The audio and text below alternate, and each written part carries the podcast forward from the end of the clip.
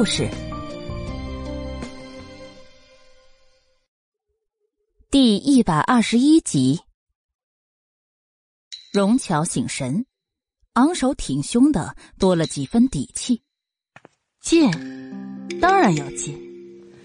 你等下可要乖巧一点。只有谋得了将军府的撑腰，我们娘仨才能在侯府里站稳脚，知道吗？云商有些不耐烦，甩了荣巧的手，便往前走去。像以往的每次一样，跑进将军府里，直奔松鹤院，从老夫人那里得各种赏赐。但今日两门房却是伸手拦住了他。云商停下脚步，恶狠狠的瞪着门房，质问道：“瞎眼的奴才，你可知道我是谁？”还不赶紧让我进去！我要去给外祖母请安。可门房连眼皮都没抬一下，对他的话也是置若罔闻。荣巧走过来，云裳不甘心的跺脚：“哼，娘，你看这些奴才！”荣巧眼里阴霾闪现，但又极为快速的隐去，转换上一副笑颜，回头示意身边的玉嬷嬷。玉嬷嬷见状，便赶紧从袖袋里掏出两块碎银子，含到门房手里。还请二位小哥通传一声，就说四小姐带商小姐回来给老夫人请安了。四小姐、商小姐，这是以前荣巧带云商回将军府时，将军府下人们的尊称。我们将军府哪来的什么四小姐，更没有什么常小姐。二少爷吩咐过了，以后将军府只有科尔表小姐。你们这些无关人士，还不赶紧的离开，可别扰了主子们的清静。其中一人将玉嬷嬷塞过来的银子给扔了回去，极为不屑的白了荣巧一眼。另外一个也不甘示弱，接过话头说道：“如果几位是想找荣府当家的秦老。”可以去隔壁找，我们这是将军府，并不是什么随便阿猫阿狗都可以进。放肆！瞎了你们的狗眼了！你们仔细看看，我娘可是荣巧，是将军府的四小姐，我是你们的商小姐，将军是我外祖父，我商儿。眼见着云商还在大放厥词，荣巧及时呵斥住了他：“娘，你干嘛要对他们客气啊？只不过是两条看门狗而已。”除了几位他必须要讨好的主人外，云商从来就没有高看过将军府的下人。此时被门卫羞辱，他又如何能忍？商儿，你要是再多说一个字，可别怪娘以后都不准你出门。荣巧气得全身发抖，除了恨将军府对他的轻视。更多的却是对女儿无用、只会拖后腿的行为表示唾弃。我眼见着娘阴沉着脸，极为的可怕。云商终于是闭上了嘴，不敢再多言。见女儿不再说话，荣巧终于是松了口气，堆起满脸的笑容，上前与门房交涉：“劳烦二位小哥通传一声，就说荣巧求见。”只是他话还没说完，就被门房打断。哎，这位夫人，我们只不过是两条看门狗，可当不得您的一声小哥呢。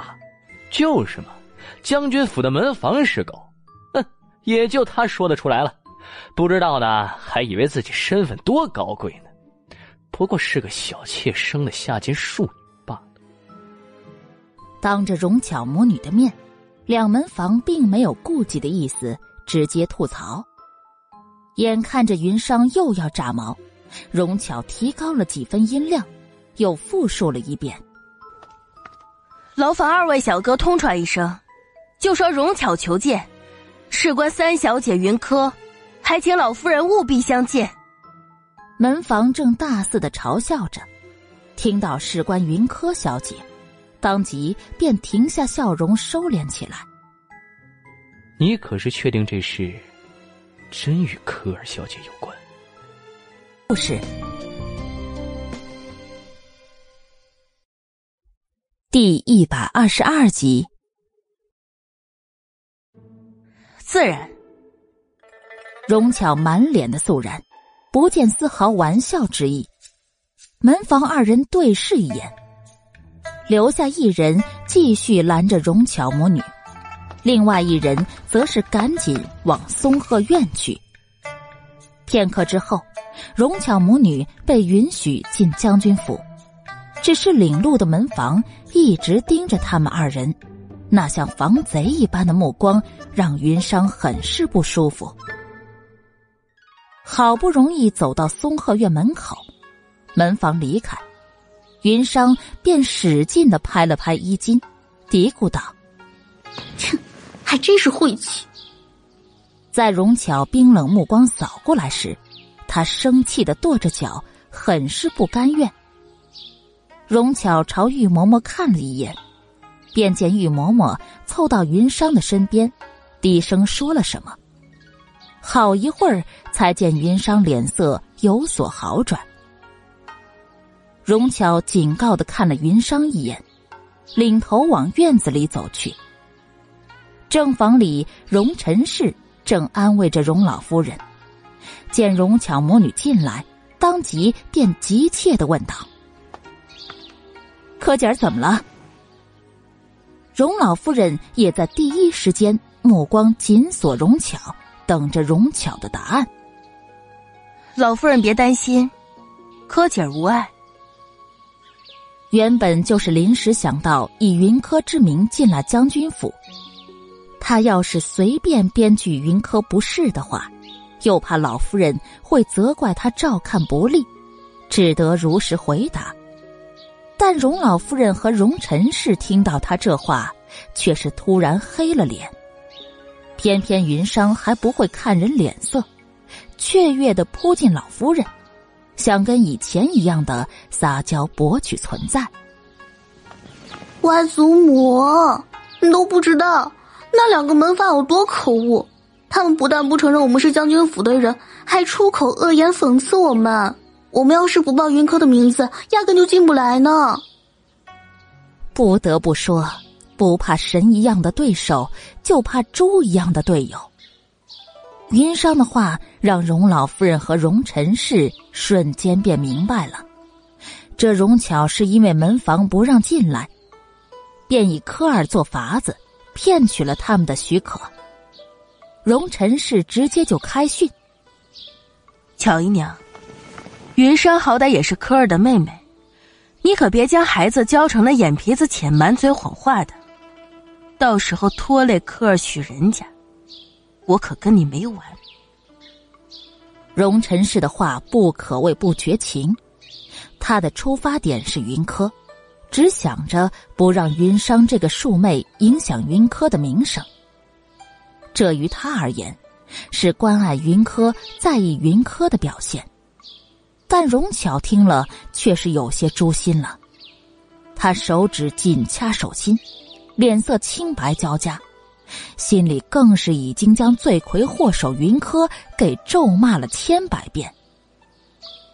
深呼几口气，荣巧才能将心里的愤怒给压下，挤出几分笑容来。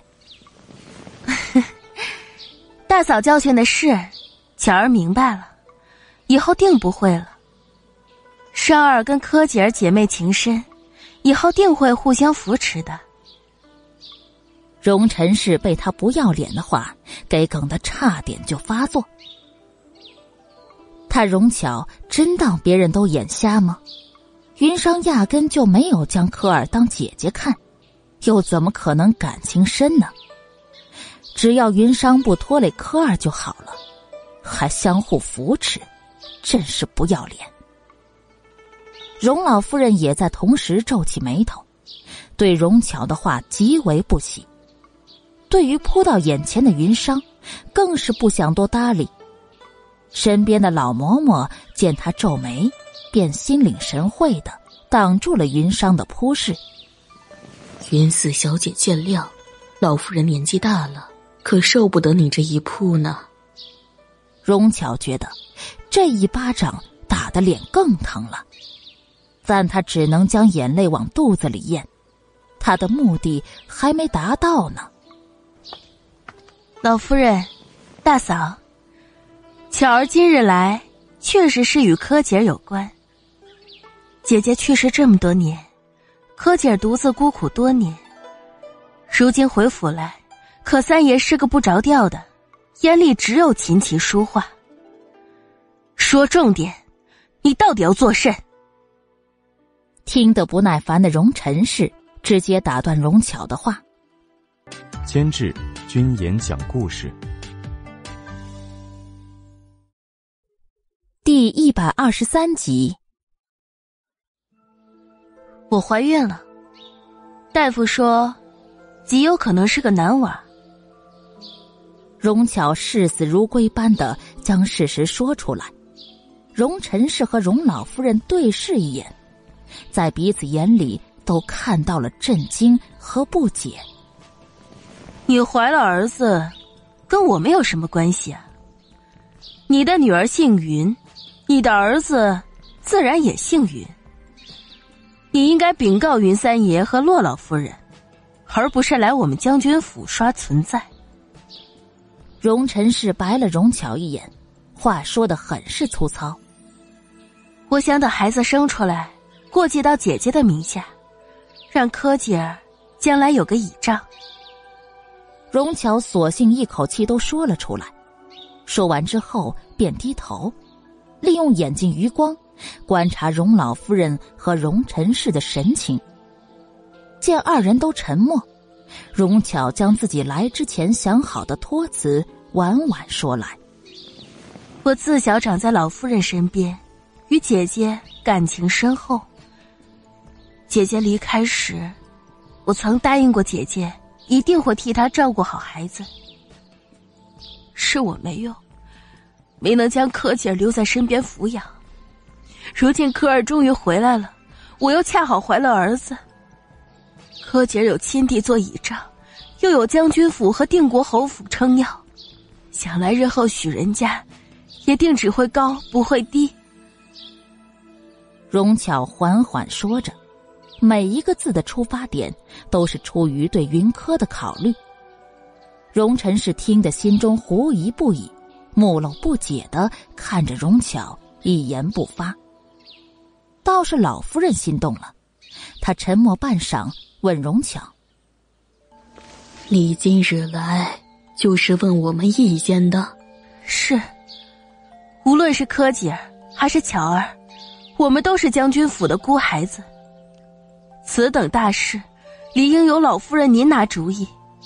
许是不许，巧儿都听老夫人安排。没人看见的角度，荣巧眼里金光闪过。”他知道，于老夫人而言，云柯便是唯一的软肋，而这个认知如今可以助他成大事。果然，荣老夫人立马就问荣陈氏：“老大家的这件事你怎么看？”荣陈氏朝荣巧看去，见他乖巧的微低着头，那模样像是随便老夫人怎么说，他都会照办似的。反正他是事事为云柯考虑，如果他们不答应，那便是不将云柯的终身大事放在心上。荣尘氏看得直皱眉，直觉告诉他，这荣巧肯定没这么好的心。于是他试探着问老夫人：“娘，我觉得这件事情理应问一下柯姐。”毕竟她才是当事人，不是吗？大嫂，柯姐是当事人不假，但她才十二岁，这些年又不在京城长大，如何知道京城世家对姑娘身份的看重？言外之意就是说，云柯少不更事，不明白有个强有力的娘家是多么重要的事情。荣老夫人眉头皱得更紧，似乎被说动了。荣巧正想再加把火时，忽然听屋外传来一个清脆的声音：“哼，姨娘管的是不是太宽了些？我云柯要嫁何人何户，自有外祖父、外祖母替我长眼，何须姨娘你来插手呢？只见云柯掀开门帘走了进来，白嬷嬷扶着他，寒秋、寒月跟在他的身边，一行人步履轻盈，丝毫不停。柯儿想外祖母和舅母，就不请自来了。外祖母和舅母可不许嫌我啊！笑盈盈的说着，云柯向老夫人和荣臣氏行礼。老夫人起身，将他给拉到身边坐下，那小心翼翼的模样，让被人拦下的云裳气红了眼。哼，你这丫头啊，嘴越来越皮，看来你没少向你齐哥哥学。这嫁人的话，也是姑娘家能随便说的吗？可别让人笑话了去。老夫人点了点云柯的额头。虽是斥责，但却无半分恼意。云柯也不躲，笑嘻嘻的回了句：“ 有外祖母护我，谁敢笑我？”小脸上满是小人得志般窃喜，逗得老夫人和荣臣氏都哈哈大笑。第一百二十四集，荣巧压根就没有设想过云柯会到来的场景。这会儿，他僵在原地，目眦欲裂的看着云柯，暗恨这个死丫头为什么要来？明明只差一点儿，他就可以成事儿了。只要老夫人同意他将儿子过继到荣代名下，那他儿子就成了三房唯一的嫡子。更重要的是，他就将将军府和他们母子绑在了一起。有了将军府的支持，定国侯府还有谁敢看低他们？什么明月，都不过是一句话的事。云玉虽然不喜将军府，但也绝对不敢跟将军府作对。可现在云柯来了，他非常的肯定，云柯是不会同意他将孩子过继的。荣巧牙关紧咬。越来越后悔，当年怎么就没有直接将这贱人给掐死？要是当年就弄死了他，哪里还会有如今这么多的破事？即便是十年不在京城，可他依旧能将定国侯府搅得一团糟。先是害得他们母女被将军府划清界限，如今又将他所有的后路切断。云柯，你怎么就不去死呢？一直被老夫人给揽在怀里的云柯，却像是听到了他心里的独白。只见少女抬起眼来，笑意盈盈的问：“哎，刚进门时就听到姨娘在跟外祖母、舅母讨论我来着。如今我本人来了，姨娘不妨当面与我谈谈呀。毕竟……”背后说人，并不是什么光彩的事情嘛。我，荣巧有些犹豫，明知道云柯跟在他的后面赶来将军府，肯定不会那么好说话，更不会同意将他的孩子过继。他还要继续说吗？见他不说话，荣臣是轻嗤一声，代替他将来意复述。柯姐儿，你巧姨娘说自己怀了儿子，担心你没有嫡兄弟倚仗，所以想将孩子过继到你娘名下。对呀，这件事情啊，我思来想去，并无不妥。你若日后有了嫡亲弟弟扶持，确实也是有好处的。但你大舅母说，你是当事人。理当问问你的意思。老夫人慈爱的看着云柯，眼里的疼惜显而易见的。见云柯低头不语，云商脚步往前，就想张嘴说话，却被荣巧直接用眼神制止住。哎，姨娘如何得知你肚子里的就一定是儿子？云柯轻笑。她很是不能理解这些女人，一旦怀孕，就自以为是的认为自己怀的一定是儿子。我，我请人看过的，说是男胎的可能很大。哼，可能性很大，那便是说明姨娘也没有把握，肯定自己就一定能生个儿子出来呀。这万一又生的是个女娃，巧姨娘可不是赚大了吗？得了个嫡女的名头，孩子又能养在自己跟前，还真是好谋算呐。云柯很清楚，将军府的人向来是护短的，一旦让外祖母和大舅母同意将荣巧肚子里的孩子过继，哪怕她日后生下来的是个女娃，将军府也肯定不会袖手旁观。他知道荣巧心里的算计。但有些话，并不适合说出来给外祖母听，所以云柯只能选择这样稍柔和的言辞，希望能让外祖母和舅母明白荣巧的谋划。可姐，哪怕我生的是个女娃，那也是你的嫡亲妹妹啊！我与你娘亲同出荣氏一族，我的孩子理应跟你最亲密的。姨娘不怪你年少，但你不能否认你与珊儿和我肚子里孩子的亲近呢。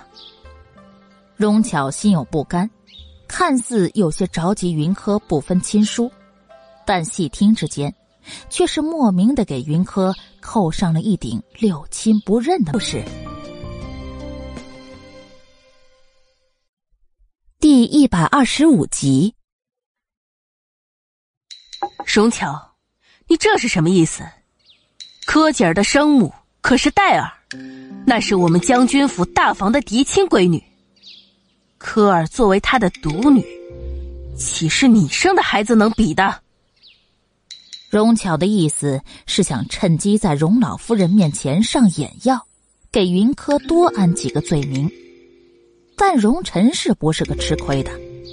听出荣巧话中的歹意。当即便训斥起来。虽然没有明说荣巧身份低下，但那意思却是很明白，就是看不起荣巧她生的孩子。眼见着老夫人看她的目光也开始严厉起来，荣巧暗骂自己还是着急了些。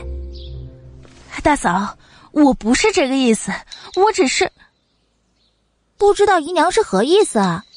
有关你跟我娘是堂姐妹的事情，你不是经常挂在嘴边吗？我虽是年少，却也明白将军府就我娘一个嫡出女儿，我娘也只生了我一个啊。在云三爷没有将我娘休弃的情况下，我就是定国侯府三房唯一的嫡女。见荣巧眼里恨意满满，云柯却是冷笑一声，朝白嬷嬷看了一眼。只见白嬷嬷上前朝老夫人行一礼：“老奴见过老夫人、大夫人。按理说，老奴不应该多这个嘴的。但是既然巧姨娘说到了她跟戴尔小姐的姐妹情了，老奴觉得应该出来说两句的。”老夫人点点头，示意白嬷嬷继续说：“当年戴尔小姐与巧姨娘。”都承欢老夫人旗下。戴尔小姐性子宽厚，对巧姨娘也是诸多忍让。老夫人赏下来的东西，戴尔小姐差不多都给了巧姨娘。就连三爷当年来府里走动，也是将巧姨娘带在身边的。白嬷嬷说到这里，故意停下来看着荣巧，被几双眼睛盯着。荣巧勉强挤出几个字来：“对，姐姐仁慈。对，戴尔小姐仁慈。仁慈的商二小姐，比科二小姐只小几个月。”白嬷嬷很气愤，这言语便有些过激，但她的话却是让老夫人一震。对呀，云商比他的科儿可只小了几个月。云玉来将军府时，容巧姿态端得极低，要以伺候姐姐为由，经常在场。后来他还以各种理由担心姐姐在定国侯府住的不习惯，前去陪伴。这么一想下来，老夫人便发现了其中的不妥。再结合今天荣巧说的要将儿子过继到戴儿名下，老夫人哪里还有不明白的？当即便沉下脸来，重重的一巴掌拍在桌子上，斥责荣巧道：“荣巧，你可是将我们所有人都当成傻子了！戴儿成亲不到几个月，你便有了身孕。”让大儿求到我的面前来，你可真是狼子野心呐！老夫人气得不轻啊！荣臣是赶紧给她端茶，云柯轻叹一口气，也上前来。唉，外祖母和舅母并不愚钝，他们只是习惯了直来直往，不爱耍阴谋诡计，相信人性美好。而他娘亲当年因为心灰意冷，对云玉不在乎，所以便也听之任之。一家人被小小荣巧给把玩于股掌之间。今日他若不来这一趟，外祖母也只会关心则乱，为了他将来高价中了荣巧的圈套。外祖母不急，有你和外祖父还有舅舅舅母在。科尔又怎会被人欺负呢？外祖母可要好好保重自己的身体，你将来还要看科尔出阁的呢。眼眶里泛着浅浅失意，云柯蹲在老夫人脚边，紧握住他的双手，轻轻的说着：“唉，你娘当年若有你一半的聪明劲儿，外祖母又何苦白发人送黑发人呢？”老夫人想明白了其中的弯弯绕绕，便开始思。监制：君言讲故事。第一百二十六集。娘，一切都还来得及呢。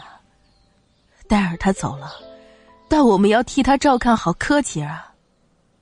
荣臣是上前将云柯给扶起来，眼底也泛着泪花。幸好他们并没有答应荣巧的那些无理要求，只要科尔还是定国侯府的嫡小姐，那荣巧母子仨就不能越过他去。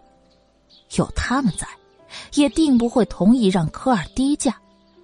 如果能让科尔嫁到将军府来，那更是再好不过了。对，你舅母说的对，大错尚未酿成，就还来得及。好，柯姐，你去水漾院那里耍耍吧。外祖母有事要处理，乖。云柯看了一眼荣巧，明白外祖母这话里的意思，当即也没有推脱，直接领着白嬷嬷和韩秋姐妹出了松鹤院。他相信外祖母不会让自己吃亏的。荣巧今日的做法已经惹恼了外祖母。自不能轻饶。见乖乖外孙女出了院子，老夫人的脸完全的沉了下来。荣臣氏也同样的脸上没有丝毫的笑意。荣巧心中懊恼，今日所谋看来是不成了。与其被婆媳二人问罪，他倒不如直接认错在前。老夫人，大嫂，我。而此时的云柯脚步缓缓往外走，将军府里的下人小厮们见到他，远远的便开始躬身行礼，极尽礼貌。小姐，你说老夫人会惩罚荣巧吗？白嬷嬷终究还是有些不放心。担心老夫人会再次被荣巧蒙蔽。哼，放心吧，外祖母自是睿智的，何况还有大舅母在一旁呢。看在定国侯府的份上，可能不一定会惩罚于荣巧，但日后他们母女二人将不会再与将军府扯上任何的关系。外祖一家对他是真的好，两个老人将他当作眼珠子的疼爱。上辈子无论他做什么错事，二位老人都没有怪于他。荣巧想要算计他，外祖母又如何会同意？更加不会允许对他心怀不轨的人继续打着将军府的旗号，而这也正是他的目的。荣巧想要在三房站稳脚，只能凭他自己的能力。云玉靠不住。将军府不愿与他来往的情况下，荣巧带着孩子，自然就会有所动作。这是荣巧再孕，已是过了明路的事情。他即便是再要谋算，自己也多了几分胜算的。如此便好，小姐你也安全了。白嬷嬷感叹：“那容巧的野心如此的明显。”所幸小姐身后有将军府众人护着。云柯一愣，他便安全了？不，他暂时还没有完全的安全。荣巧不会善罢甘休的，而他的战斗才刚刚开始。当然，这些并不适合告诉白嬷嬷等人。于是，云柯顺着白嬷嬷的话点了点头。主仆四人较为随意的继续往水央院走去。那儿的风景最优最美，云柯打算去那儿小憩一会儿。只是水央院外，云柯却是被人拦了下来。表小姐，二少爷正陪贵人在院里赏景呢，吩咐了人不准去打扰。你看，啊，你这小厮好大的胆子！我们家小姐是别人吗？韩月有些不平，往前一站就要跟人理论。韩月不得无礼。云柯叫住韩月，拦他的人是荣琪身边的小厮长安。那么他说的院子里有贵人，定是皇宫中人。他的确是不适合再进去。既是齐哥哥在招待客人，我就不打扰了。云三小姐。可是不愿意见到本王。第一百二十七集，云柯转身准备离开，却听到后面一个慵懒随意的声音传来。不用回头看，他都听到那不断靠近的脚步声是谁的。想着他那晚的登徒子行径，云柯就气得小脸通红。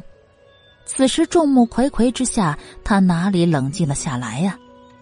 轻哼一声，脚步加快，拿准了心思，就是不想见他。哼！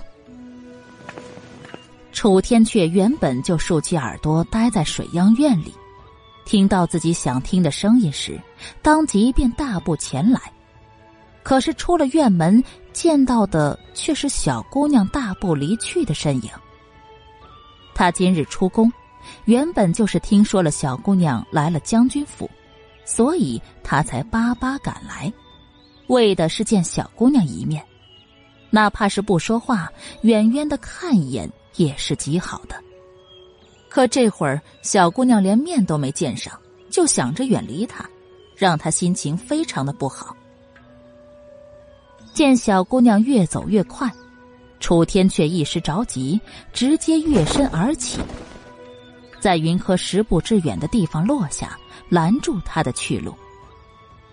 见他居然光天化日之下拦路，云柯脸上一冷，转头便准备往另外一个方向走去。总之就是不看楚天阙。他往旁边避，楚天阙就往旁边站。总之就是要他正视他。荣琪匆匆赶来，看到这一幕，如同见了鬼一般。科儿，荣琪担心妹妹吃亏，大步上前来，站在他的身边。云柯则是身形敏捷的往他身后站。楚天却脸一黑，像是极为不喜云柯这向荣琪寻求保护的动作。荣琪，你让开，本王有话。想问问云三小姐，楚天却上前两步，小姑娘真是不可爱。还有，她站在荣琪身后低着头，就是不看他，算怎么回事啊？哎，天阙，如果科儿有什么不对的地方，我代他向你道歉。看在我们相交多年的份上，你就大人不计小人过。荣琪不知道真相如何，只当是自家亲亲表妹不小心触怒了性格阴晴不定的楚天阙，便想着替他讨要个人情。云柯在他身后听的却是直翻白眼，他哪里惹到那个不要脸的男人了？明明那天晚上是他比较吃亏的事情，可是到荣琪嘴里就变成了他的过错。云柯觉得气不过，直接出手掐在荣琪的后腰上。荣琪被吓了一跳，惊叫声被及时拦截在唇齿间。在楚天却阴沉目光扫来时，他只得尴尬一笑，让开。楚天却心情越来越不好，为荣琪的阻拦，也因为小姑娘不愿意看他，不能让。身后表妹在掐，前面三王在威胁，荣琪觉得，这可能是他最倒霉的一件事情了。真不让，真不让。荣琪的态度很坚决，楚天阙的怒气也越积越甚。他做事向来随心，今日来将军府也没有想过要如何，只是心里有个念想。想见小姑娘一面，可此时这兄妹二人的行径却让他极为的生气，大手一挥，就准备朝荣琪劈过去。却听那一直低着头的小姑娘开口了：“哼，堂堂三王爷，除了做登徒子耍王爷威风，就没有别的能耐了吗？”细听之下，似乎还能听到。小姑娘的咬牙切齿声。谁说本王没别的能耐？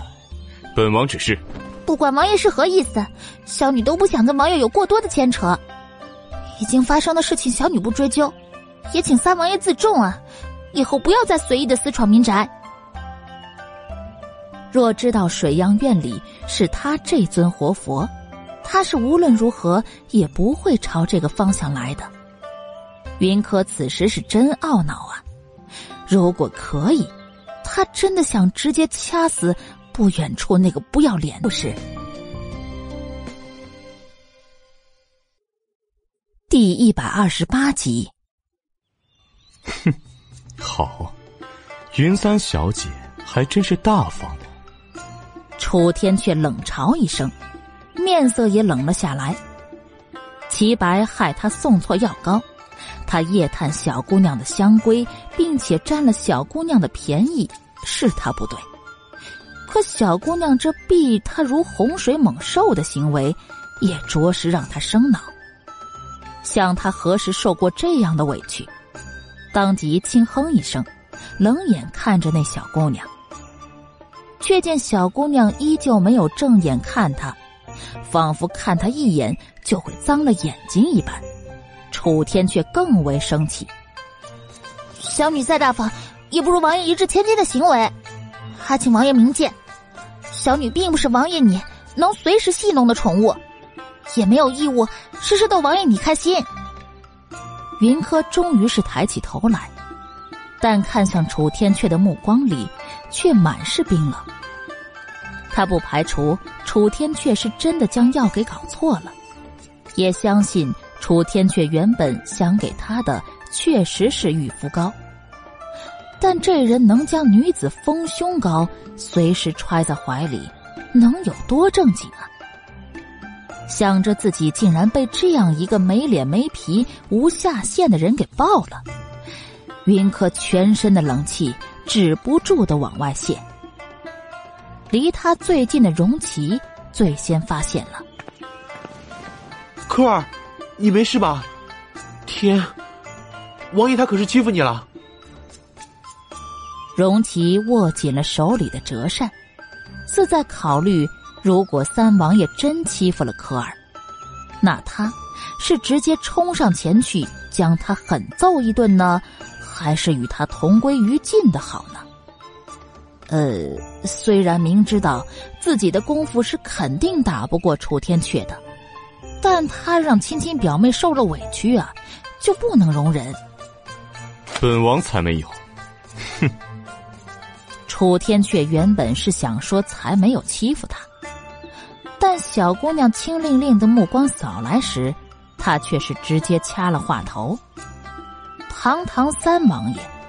向来是见惯了京城各项美色，仍然能无动于衷的，但这会儿却是被小姑娘的眼神给瞪得有点发虚。好吧，他确实是欺负了小姑娘，不但抱了她，而且还不小心看到了小姑娘睡衣下的风景，目测了小姑娘用不上丰胸膏的事实。云柯深吸一口气，不想理那个满嘴谎言的登徒子，一点儿也不想理。哼，齐哥哥，我有些不舒服，就先回侯府了。外祖母和大祖母那里，还请齐哥哥帮忙说明一下。柯儿，要不让府医替你看看吧？见他确实脸色有些不好，荣琪担心不已。可云柯压根不想再跟楚天阙。再待在同一屋檐下，于是摇摇头，执意要回侯府。荣琪无法，只得派得力之人送他回侯府。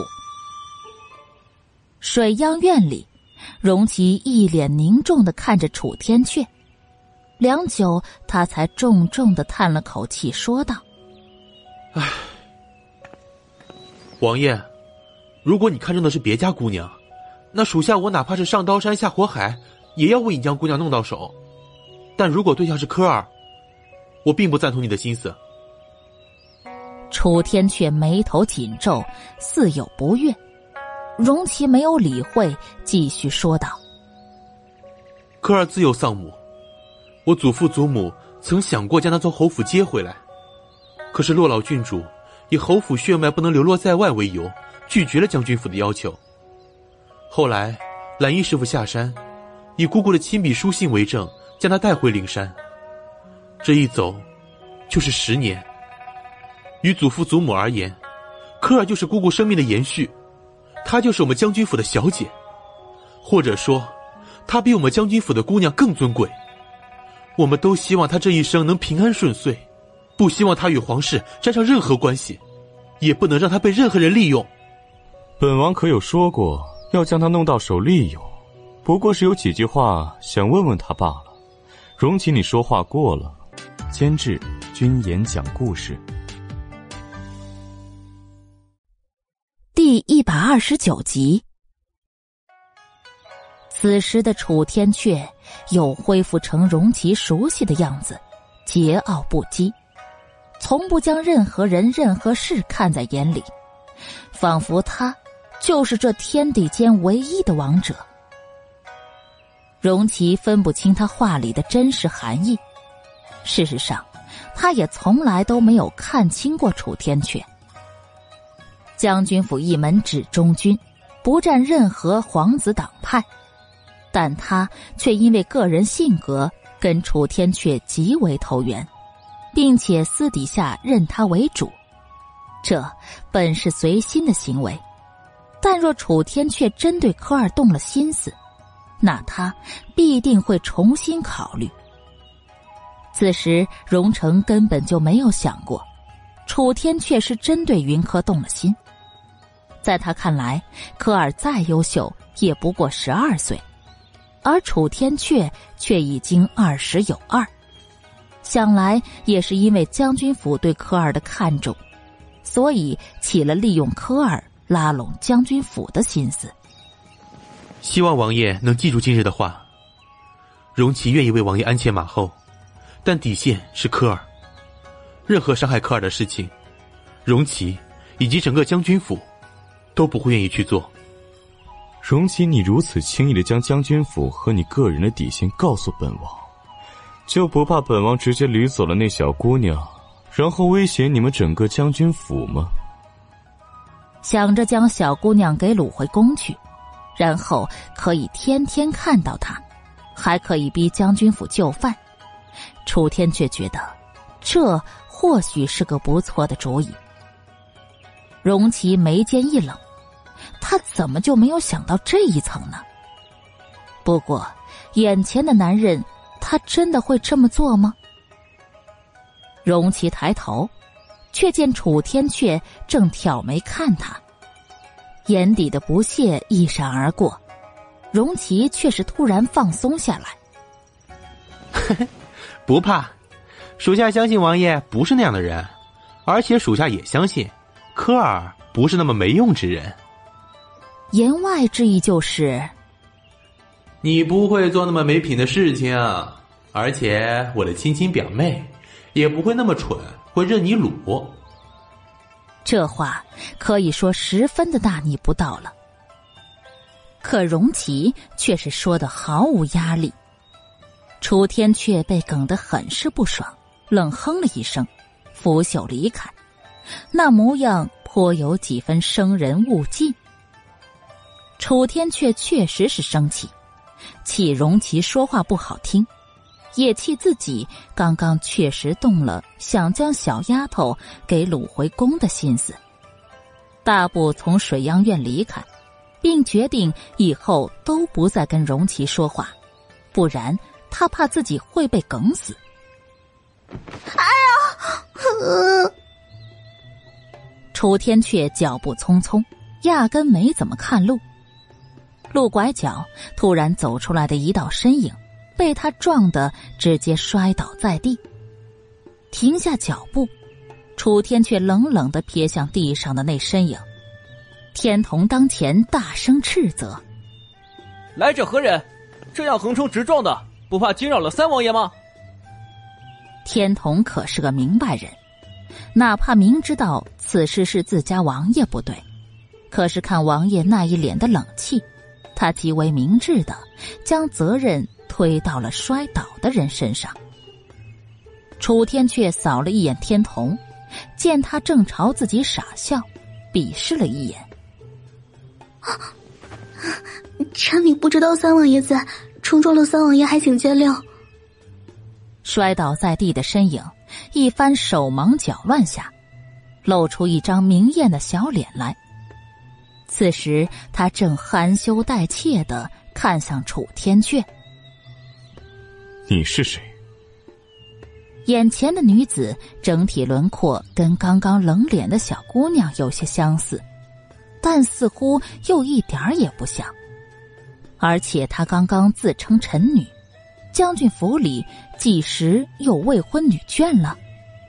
臣女云裳，我爹是大理寺主簿，也是这将军府的表小姐。在松鹤院里听得心烦气躁的云裳，便趁机溜了出来。只是没想到，刚出院子就撞到了鼎鼎有名的三王爷。此时见三王爷专注的看着自己，他当即便羞红了脸。想在三王爷跟前留下深刻的印象，便将自己的家底都亮了出来。他不知道主簿是什么职业，但想着荣城那么威风，想来大理寺是个不错的地方。自家爹爹的官职也是极大的。至于将军府的表小姐，他更是觉得丝毫没毛病。他过去一直。第一百三十集，云裳说的极为自恋，但楚天阙却是轻嗤笑了一声。荣章那老头将荣家二房给赶出将军府的事情，他可是知道的。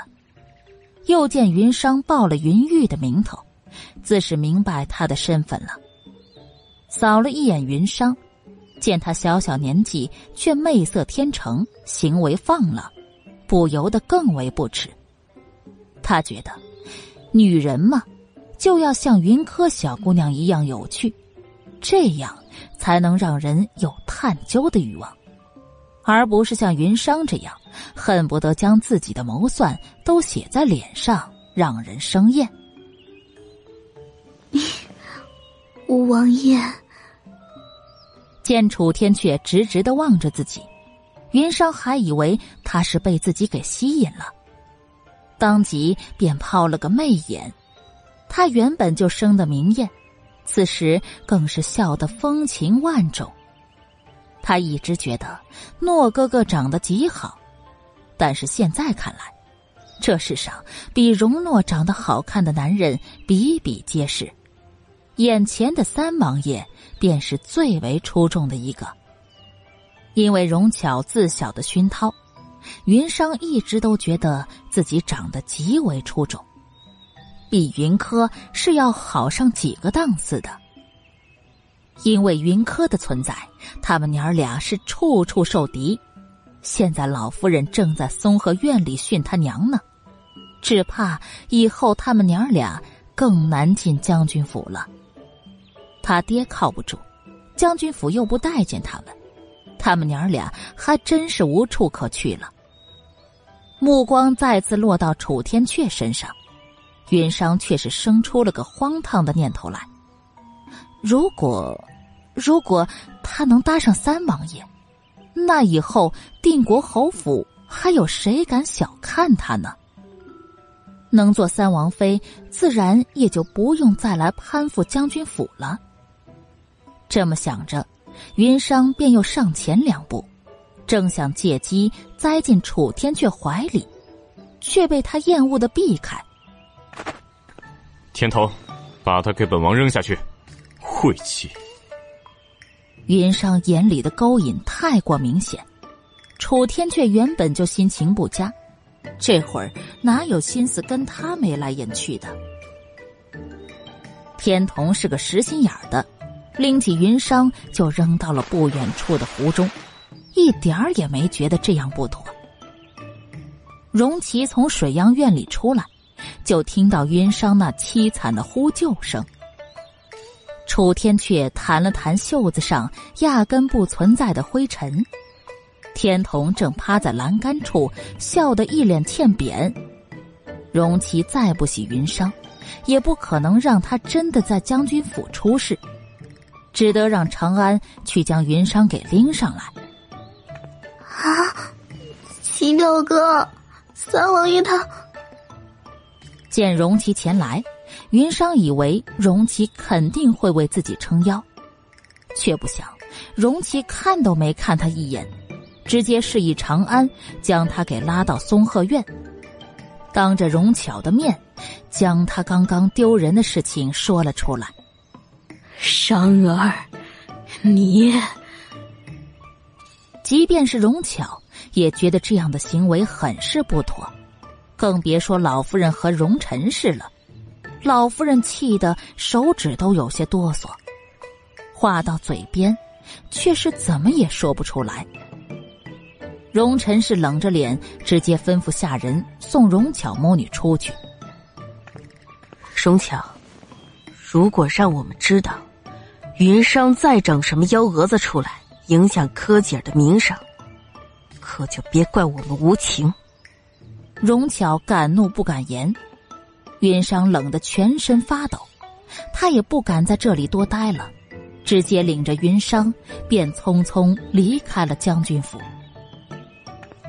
祖母，您别生气了，为这样的人生气，不值当的。荣琪上前两步，安慰老夫人。对于荣巧母女，他向来是看不上眼的。娘，齐哥说的对，过去的事情就当我们识人不清。如今既已看清他的本质，日后注意防着就是了。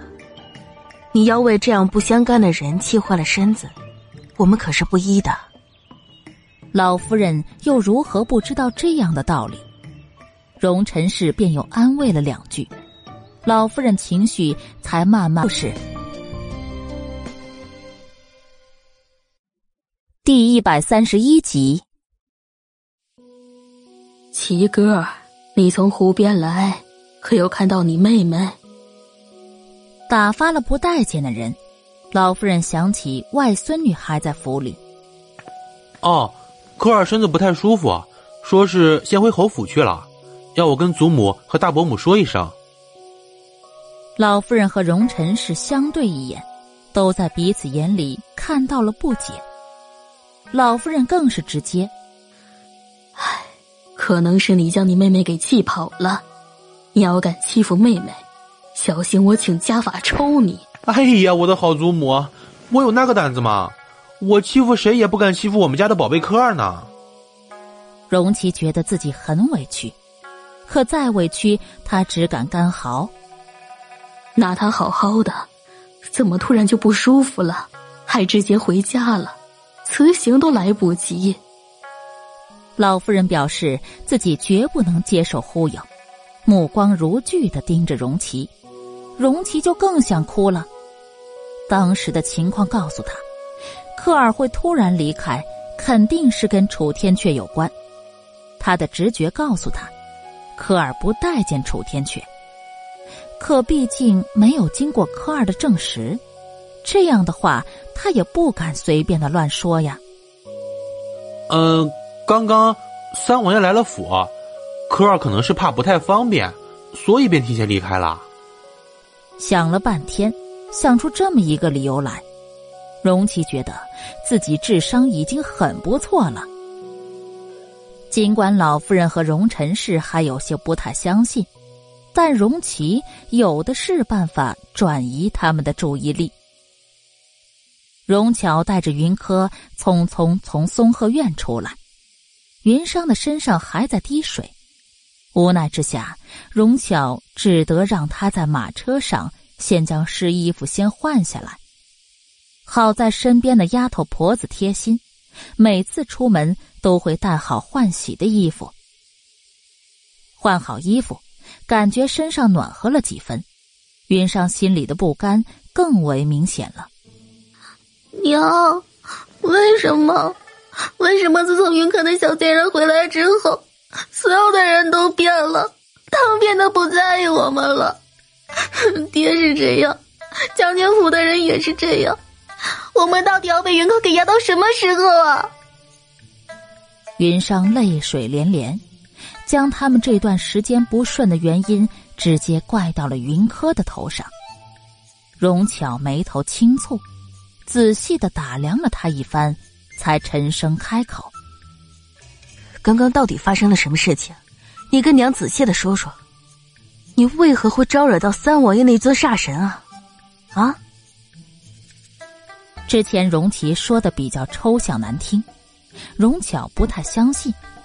也不愿意承认自己女儿会是那样一个眼皮子浅的。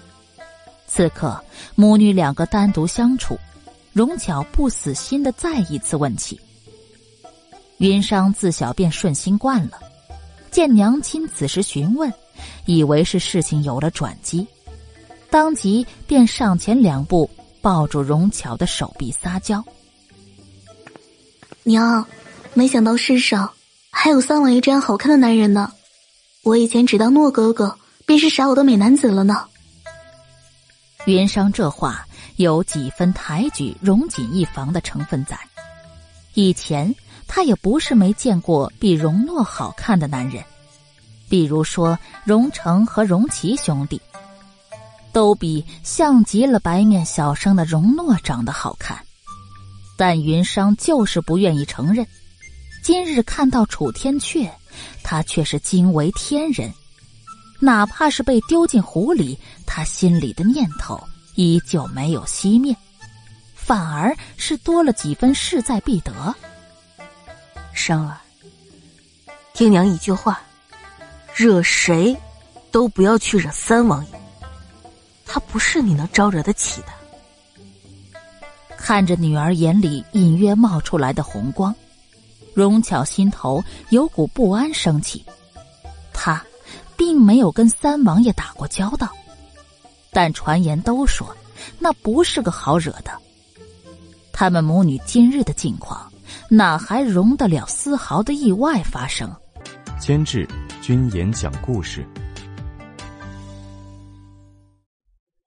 第一百三十二集。娘，你可是也看不起女儿，觉得女儿不如云客。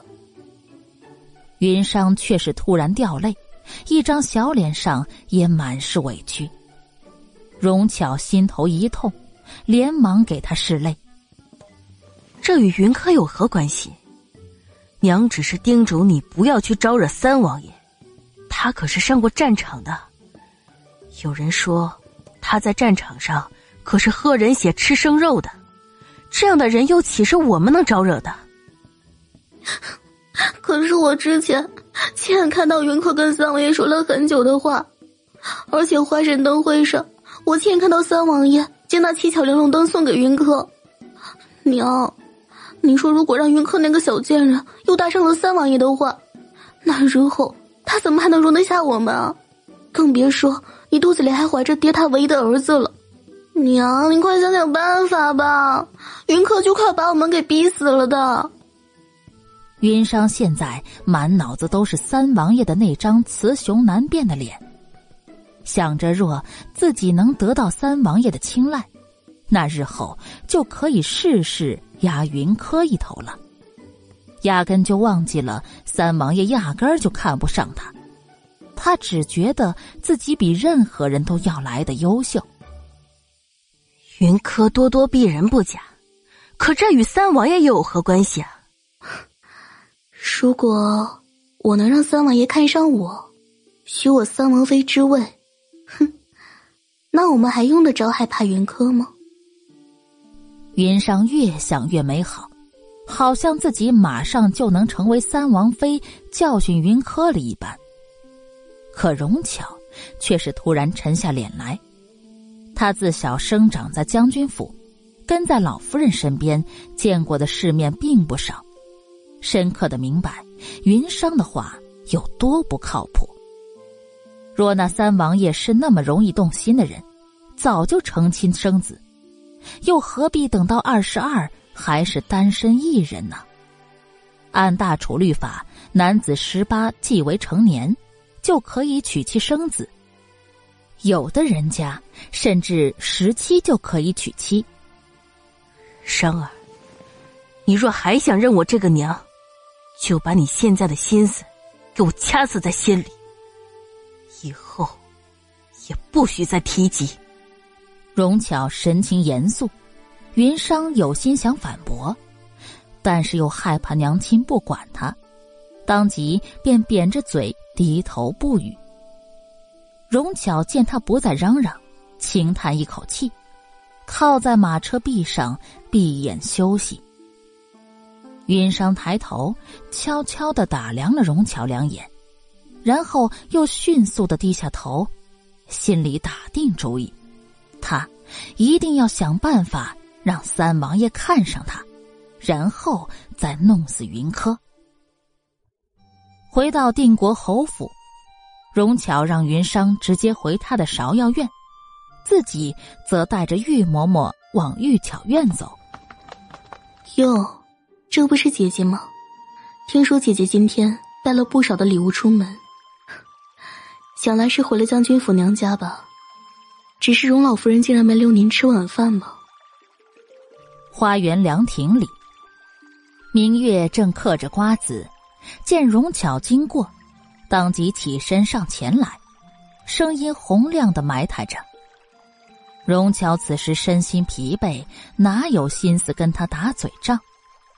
看了玉嬷嬷一眼，便见玉嬷嬷上前挡住明月，冷着脸训斥道：“月姨娘可是逾越了，夫人想去哪里，岂是你一个姨娘能管的事情？姨娘又如何？谁还不是个姨娘呢？”明月知道，若在几天前，他或许还有可能顾忌。可是现在三爷天天歇在他的明月阁，他有的是资本嘲笑荣巧。明月，玉嬷嬷厉声大喝，可明月依旧痴痴的笑着。玉嬷嬷，你可以小声些哦，乔姐姐肚子里还怀着我们三房的嫡长子呢，你要将她吓出个好歹来，看乔姐姐如何收拾你。明月语气嘲弄，她连容巧都没放在眼里，更何况一个老婆子呢？第一百三十三集。如果月姨娘只是想给本夫人请安的话，那就请回吧。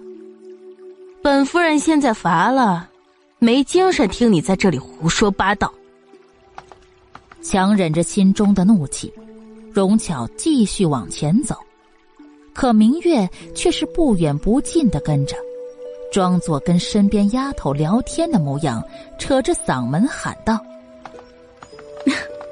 哎，我好像也没听说三爷扶正乔姐姐了呀，那她自称什么夫人呀？不都是个妾吗？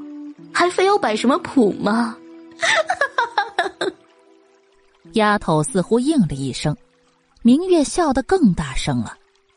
荣巧感觉被人重重的打了一个耳朵，痛得他想杀人的心都有。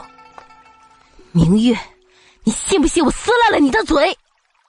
荣巧木的停住脚步，转身阴直的看着明月。她掌家多年，明月又在侯府里做了多年的丫头。原本是应该怕他几分的，但明月刚被抬为姨娘，有了伺候的人，尝到了手中权力的好处，更因为云玉的怜宠，明月自认为自己现在很有底气，不应该害怕荣巧，因此对荣巧的威胁丝毫不放在眼里，反倒是娇笑着挑衅：“哎呦！”奴家好害怕哟，乔姐姐，你要有种，你就来撕呀！你要不撕，我觉得都对不起你长了这么多年的家。只要荣巧敢上前动他一下，那他就要闹得何府尽知，到时候定要三爷给他个交代才行。荣巧今日本就压抑了半天的情绪，被明月这么一激，哪还忍得住？撸起袖子就要朝明月抽来，玉嬷嬷吓得不轻，赶紧上前拉住他，并且示意身边的丫头赶紧抱住荣巧。哎，我的好夫人，你现在可是双身子的人，岂能随意的跟一个贱婢计较？要真磕着碰着了，你多不划算呢！玉嬷嬷话没说出来，但荣巧却是明白的。瞬间也就冷静了下来。她不能中了明月的激将法，明月见人想借此落下他的孩子，他是不会中计的。明月见荣巧轻易的就被人给劝下，暗骂一声“玉嬷嬷多事”。荣巧不上前来撕他，又如何动胎气？如何落下这个孩子呢？明月。你既知道夫人长了多年的家，就应该明白自己的分寸在哪儿。三爷现在宠你不假，但夫人在三爷心里的位置，岂会是你一个小丫头片子能比的？识相的，就赶紧上前来给夫人道个歉，不然等夫人生下公子扶正之后，你可没机会再蹦的。玉嬷嬷同样的看不过明月嚣张的样子，当即冷脸斥责他。可明月连容巧都不放在眼里，又怎么会将他的话放在心上呢？哼，谁知道你肚子怀的是个什么东西？这八字都还没一撇的事情呢，就开始妄想扶正了。我要是你的话，现在肯定夹着尾巴做人，哪像你呀，到处招摇，到处树敌，别到头来。怎么死的都不知道。明月轻嗤一声，对着阳光照了照自己的指甲，不屑的瞪了一眼荣巧的肚子，便扭着腰肢走远了去。荣巧挣脱玉嬷嬷和丫头，整个人都气愤不已。玉嬷嬷改为扶她的手臂。唉，小姐，明月这个贱蹄子有句话说对了，你现在首要的。就是要养好胎，至于他，你日后有的是办法收拾。荣巧冷静下来，没有说话，任由玉嬷嬷扶着她往院子里走去。脑子里回想的是，自云柯回京后，自己就一次又一次的吃瘪，整个人的性情也越来越急躁失控。是第一百三十四集。照这样下去，他们母子三人都不能善终。他必须要从长计议，云柯是一定要除掉的。至于明月，也定不能轻饶他。花园里发生的这一幕，很快便传到了云柯的耳朵里。咦，小姐，你这招真是太棒了！如今荣巧和明月狗咬狗，也就没心思将歪主意打到我们头上来了。韩月听到消息。欣喜的发表着自己的意见，他低头朝小姐看去，却见小姐眉头依旧皱着，似乎仍有谜团未解。小姐，可是有不妥之处？韩秋给云柯倒杯热茶，递到他手里，轻轻的问道：“荣巧只是平安顺遂的过了十来年，所以有些疏于防患了。”接下来，他便会反省，明月不会是他的对手。荣巧心机极为深沉，不然也不可能引得云玉为了他跟将军府交恶，也要将他娶进门来。此前几番交手，自己稍胜几分，那是因为他有前世的记忆，之后荣巧肯定会多出几分防备的。自己再动手，难免就会失了先机。还有一件事情，云柯始终没能想明白：前世荣巧故意将孩子流产的事情栽赃到他身上，孩子没了，荣巧似乎并不难过；而这一世，荣巧看起来很在意这个孩子。这其中到底是有什么事情没发生？还是说，这是因为他的重生，所有的事情都有了本质的变化。云柯习惯性的右手手指屈起，轻轻敲击着桌面。韩秋、韩月对视一眼，便明白小姐此时需要安静，便都悄悄的退出门外守候。韩月，你去歇息吧，今晚我来守夜就好。韩秋知道小姐一时半会儿还不会睡，便让妹妹先去睡了。韩月扫了一眼屋内，见小姐的眉头一直紧皱着，似乎很困扰。嗯，那行，我先去睡会儿，等下再来替你。韩秋点点头，将韩月赶回去休息，自己则静静的站在屋檐下守着。时间过去了许久，韩秋一直都没有听到屋子里小姐换热水的声音，有些不放心的准备去看看。只是刚动脚，便感觉到身后人影闪过，下一秒自己就被人给劈晕了。屋外衣袂声声，云柯眉头轻皱，动了动鼻子，发现空气中暗香浮动。熟悉的让云柯有些想咬牙。哼，三王爷既然来了，何不光明正大的出来？这样躲躲藏藏的，莫非就是君子所为？哼，本王为何要躲？是你眼神不好使而已。屋内横梁上，一紫衣人影正横躺而卧，明明什么都没做，可偏偏让人觉得妖娆惑人。云柯一抬头，就撞进他幽深的眼底。稍愣之下，便见楚天阙已经从横梁上一跃而下，朝他欺来。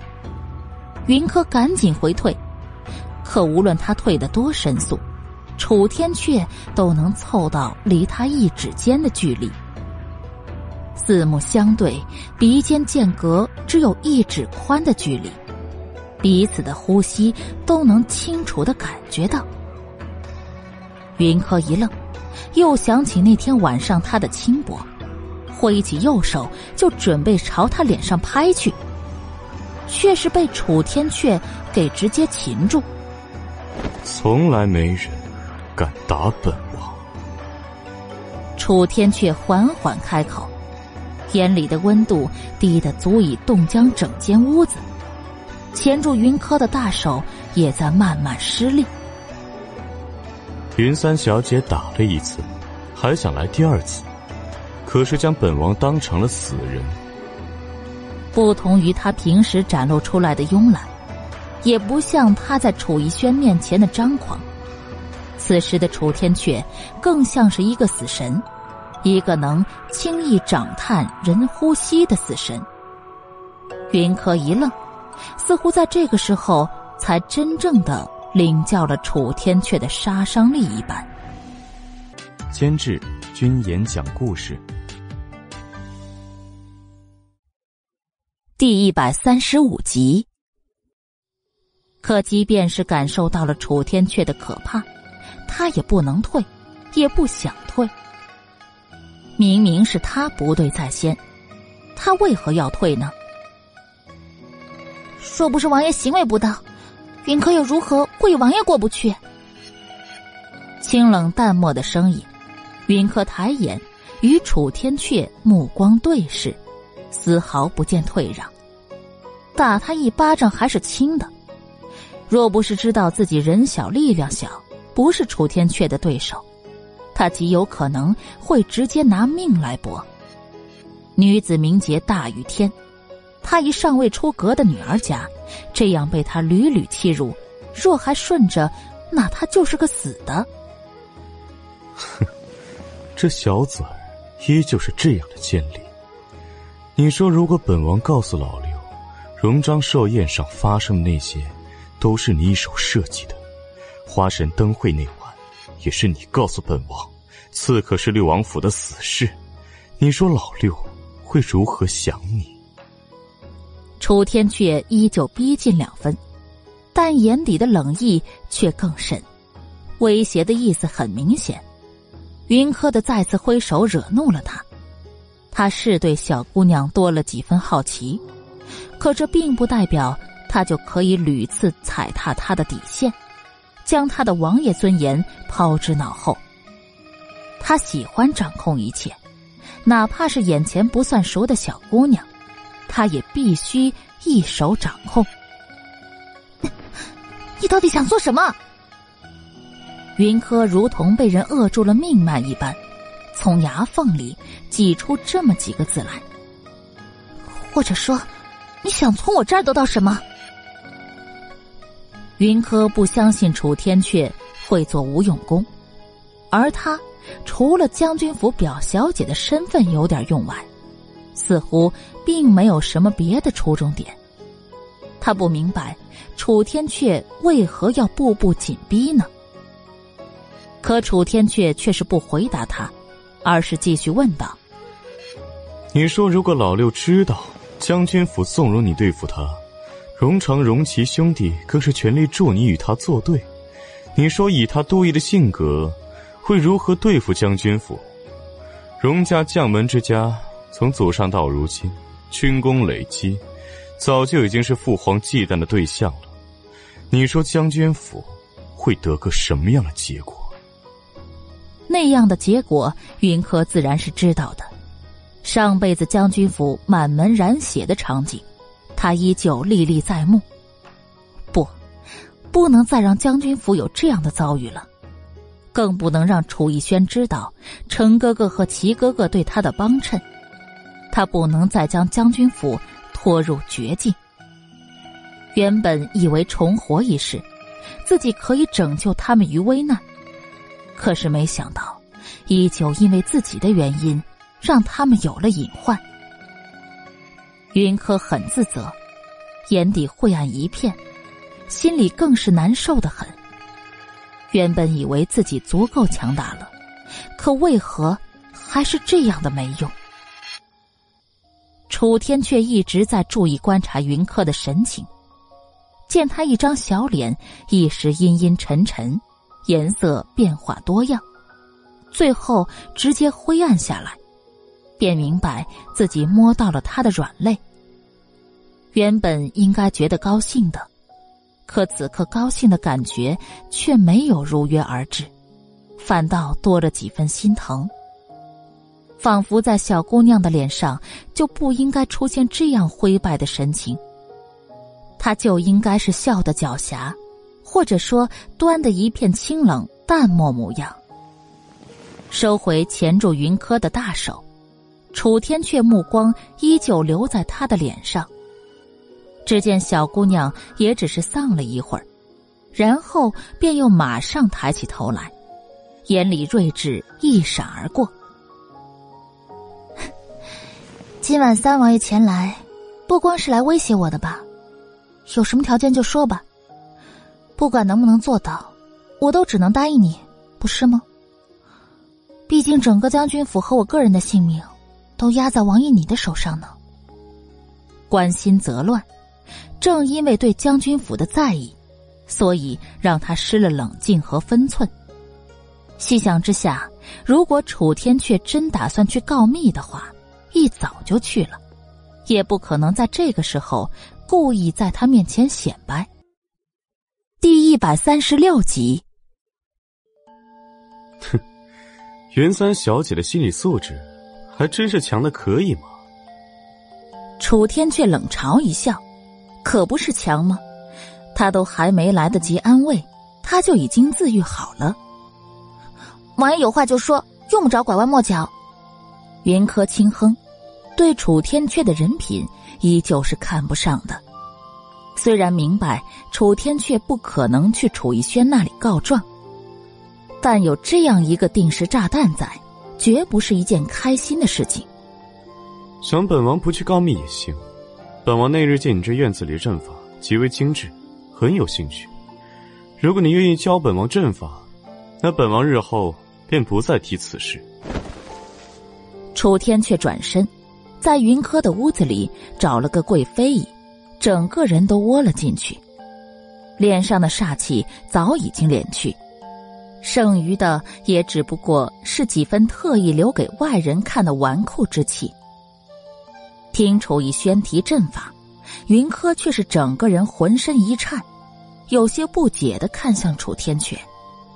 且不说那日晚上他直接破了他辛苦布下的七巧阵，闯进院子里来，就单说今晚的天杀阵，可是他用的最为熟练的一个，他自己当初识破都用了不少的功夫，可眼前的男人能将锦院当自家的后院。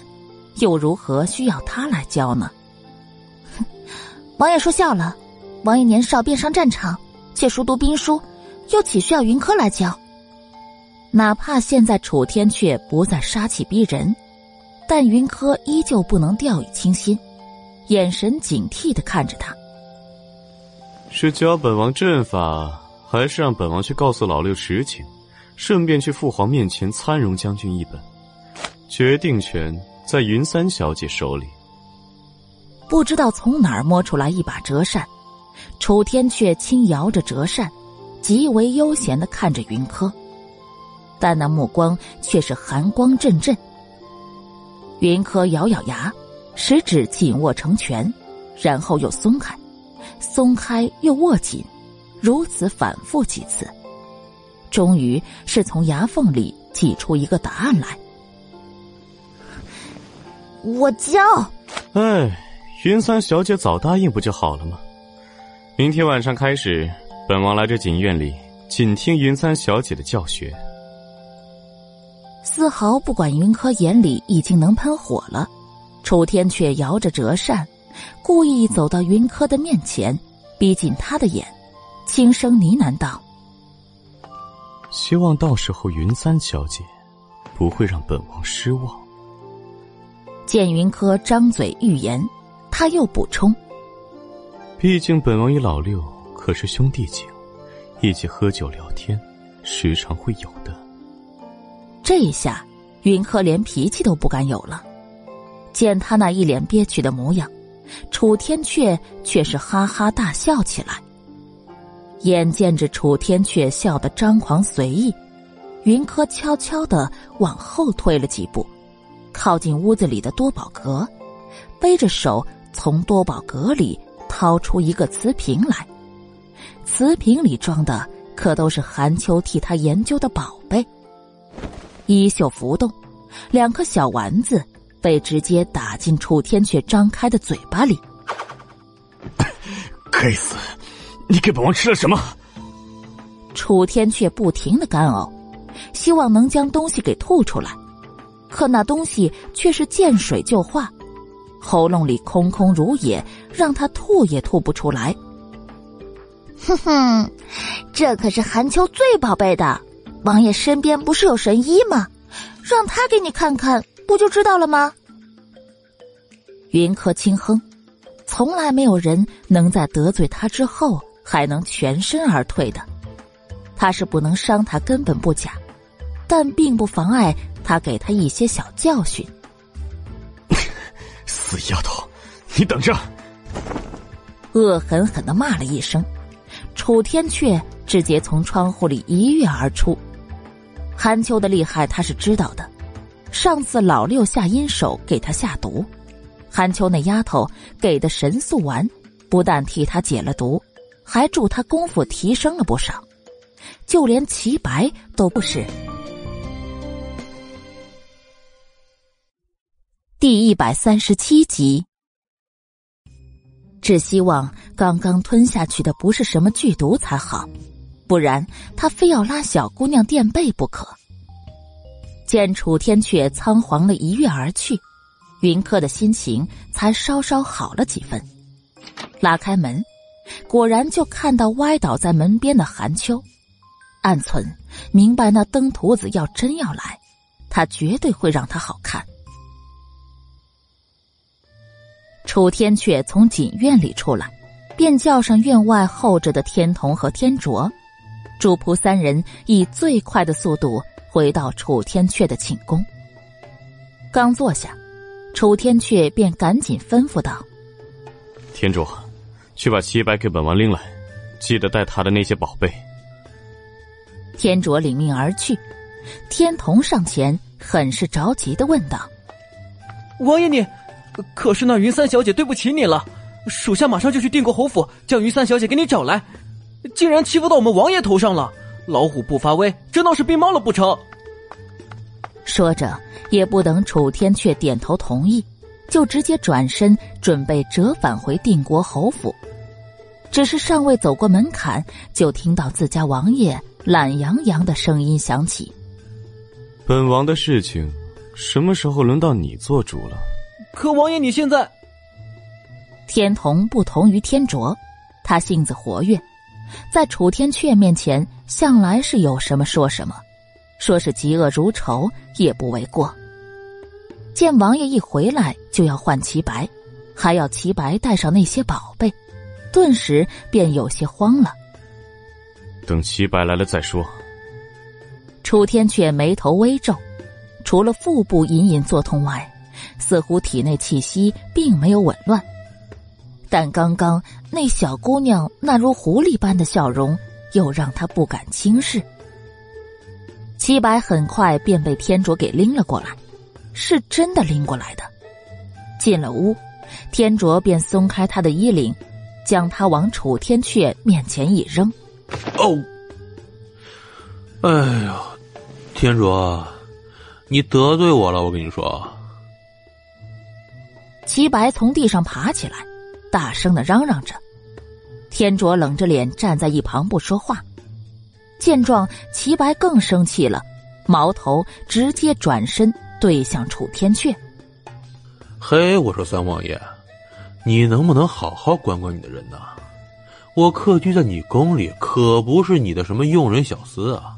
你们这样对我，我可是会生气离开的。作为神医，他可是有尊严的，好不好？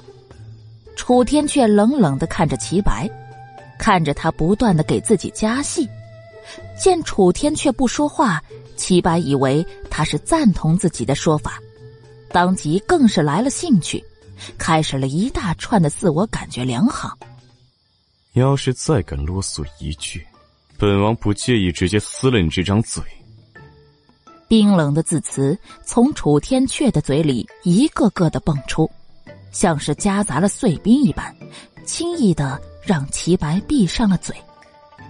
悄悄的扫了楚天阙一眼，见他正阴直的瞪着自己，齐白抖了抖，突然想起自己还是戴罪之身呢，实在是不宜得罪这尊大佛呀。于是期期艾艾的上前替楚天阙把脉。你最近是火气过旺吗？大便郁结？刚搭上楚天阙的胳膊，齐白脸上便写满一言难尽，欲言又止的看了楚天阙好几眼。什么意思？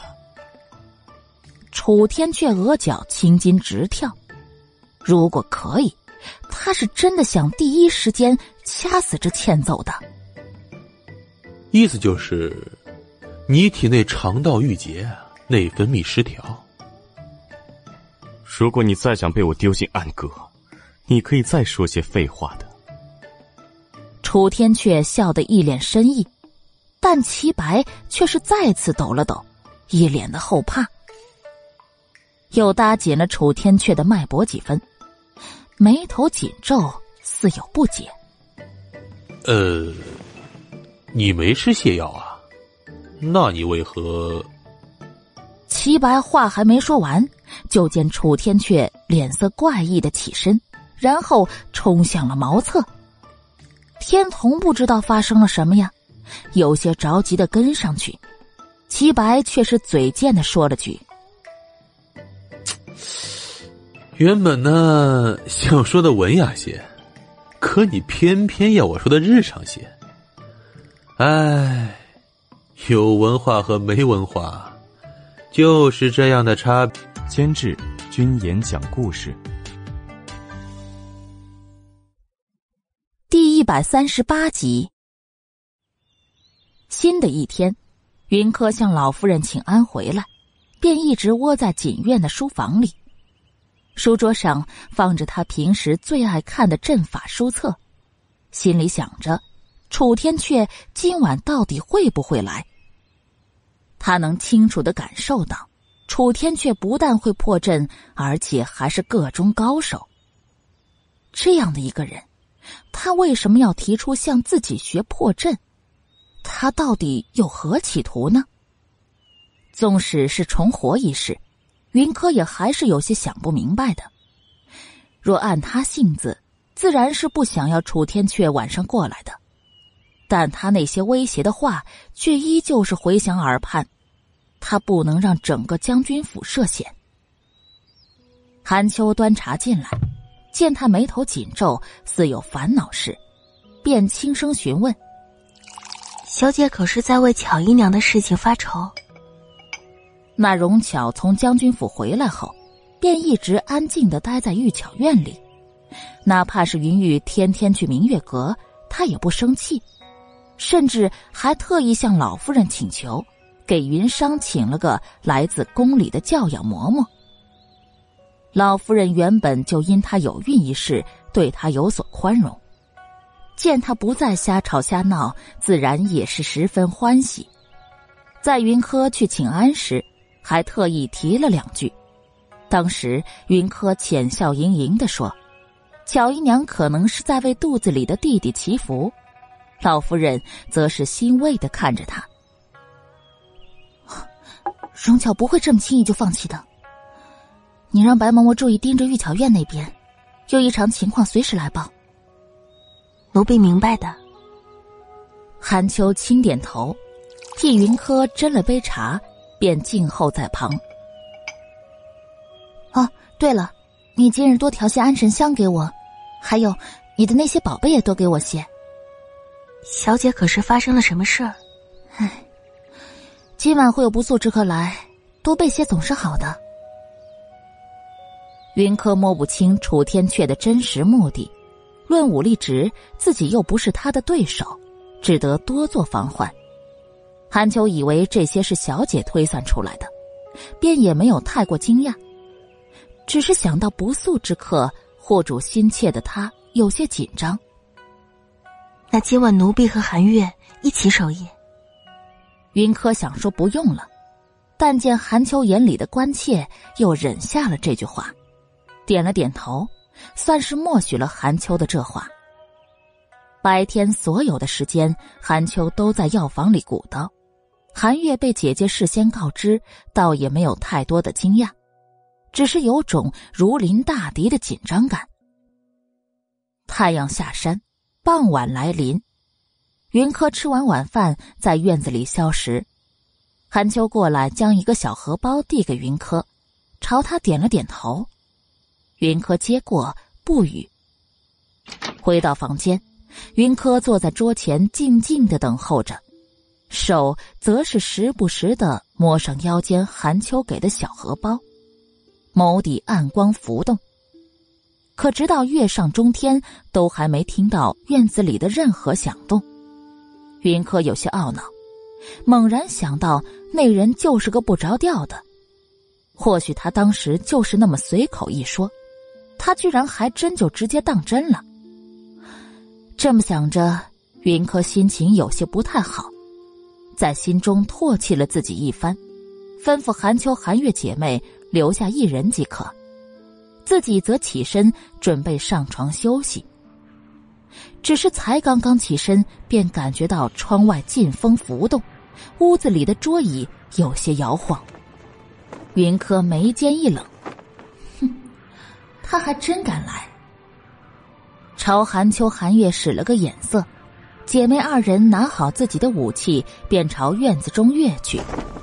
今日白天，他已经将院中的阵法调整过了。没有人的牵引，想踏进院中、靠近他的屋子，一步都是不可能的。之所以要韩秋姐妹二人进阵，也是为了阻拦那个登徒子。第一百三十九集，夜凉如水，院子里看似与平常无异。不懂门道之人更是听不出其中的刀光剑影之声。云柯站在阁楼上。俯视着院子中的动静，一张小脸没有太多的表情。久久不见韩秋、韩月姐妹出来，也不见楚天阙的任何动静，云柯有些着急，略一思忖，便决定自己亲自去镇中一趟。只是念头刚起，就听到头顶有嗤笑声响起：“小姑娘。”你是在担心本王呢，还是担心你的那两个蠢丫头？嗯。云柯猛地抬头，见头顶上的屋檐下有一人正侧身斜躺着，单手支撑着脑袋，面朝他笑着。那模样一点儿也不像是才来的，身上更是不见丝毫狼狈。云柯一梗，目光快速的扫向院中。楚天却在这里，那阵中的人是谁呢？入阵的是本王的侍从。说起来，本王还要感谢小姑娘你替本王调教身边人。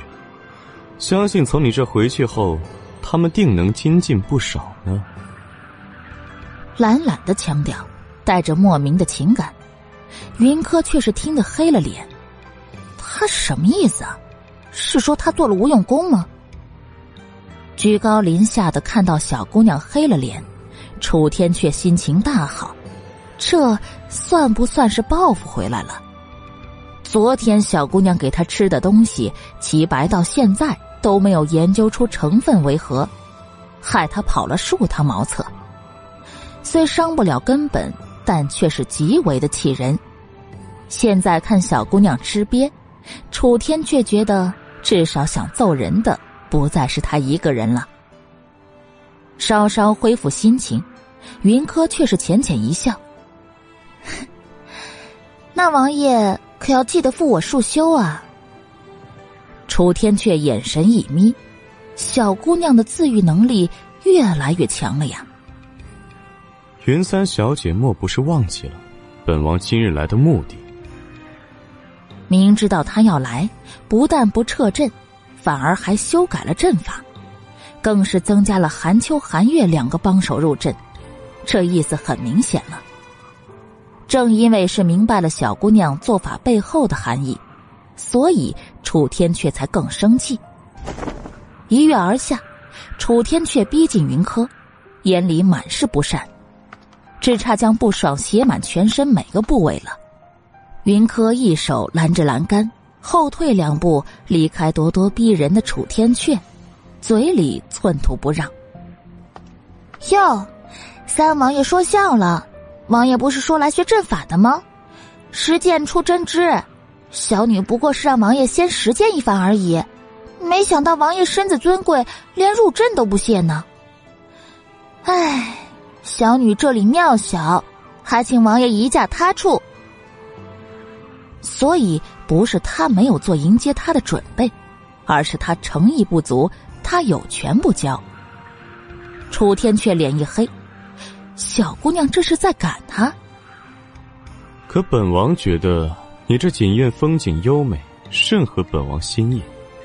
本王今天还真就不走了。凉飕飕的风刮向云柯，楚天却眼里的阴霾太过明显。要就这么随意的被小姑娘赶走，他还用得着继续在京城混吗？所以今天无论如何，他都是不会走的。不但不走，而且还要在小姑娘这里替自己证明，刷个永久的存在。说着，又往前两步，离云柯更近，眼里的光芒如猛兽出笼，锋利而又带有侵略性。云柯退无可退，最后更是被他双手撑着栏杆困以身前。终究是忍无可忍，云柯直接翻了个白眼。他怎么不知道这个男人原来还有这样强词夺理、不要脸的一面呢？如果可以，云柯真的很想直接咬上他一口，看他还敢不敢这样嚣张。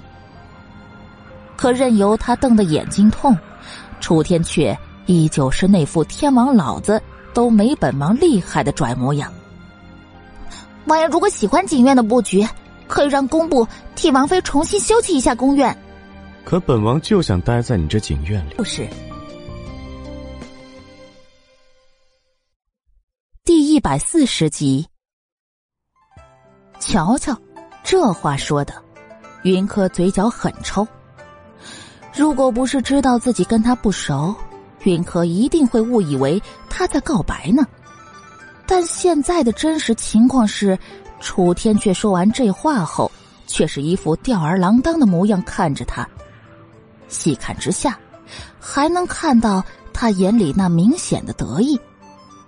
云柯额角青筋直跳，直接用力想将楚天阙给推开。可无论他怎么用力，都没办法将楚天阙移动半分，反而让自己香汗淋漓。你心仪本王的事情，本王已经知道了，但这样主动的投怀送抱，就有失你侯府嫡小姐的风范了。收回一只手，楚天阙摸上腰间的折扇。一边摇一边漫不经心的说着，话里轻视没有，更多的是戏谑。云柯再也忍不住了，直接飞起一脚就朝楚天阙的裆部踢去。楚天阙及时后退，避过云柯的腿，也同时让云柯身边的空气清新起来。姑娘家还是要温柔善良的，这样的善战粗鲁。小心以后嫁不出去。楚天却回头望了云柯一眼，见他瞪大眼睛，气呼呼的，他心情更好了。弹了弹身上压根不存在的灰尘，摇着扇子朝云柯的屋子里走去。你出来！谁同意你进我屋子的？云柯大步上前，想拦着楚天却进屋子，脚步太快，裙子前摆太长。他就这么直接踩住自己的裙子往前扑去，想要借势收力已经来不及了。就在云柯以为一定会摔到脸时，前面身影一闪，云柯被直接搂进了一个清冷的怀抱。前世云柯有过床帝之欢，自然也明白耳鬓厮磨是件幸事，对于男人的怀抱，他并不陌生。但这一刻。他感受到这份独特的清冷时，整个人却是有些恍惚。强壮有力的心跳声，一声一声响在云柯的心头。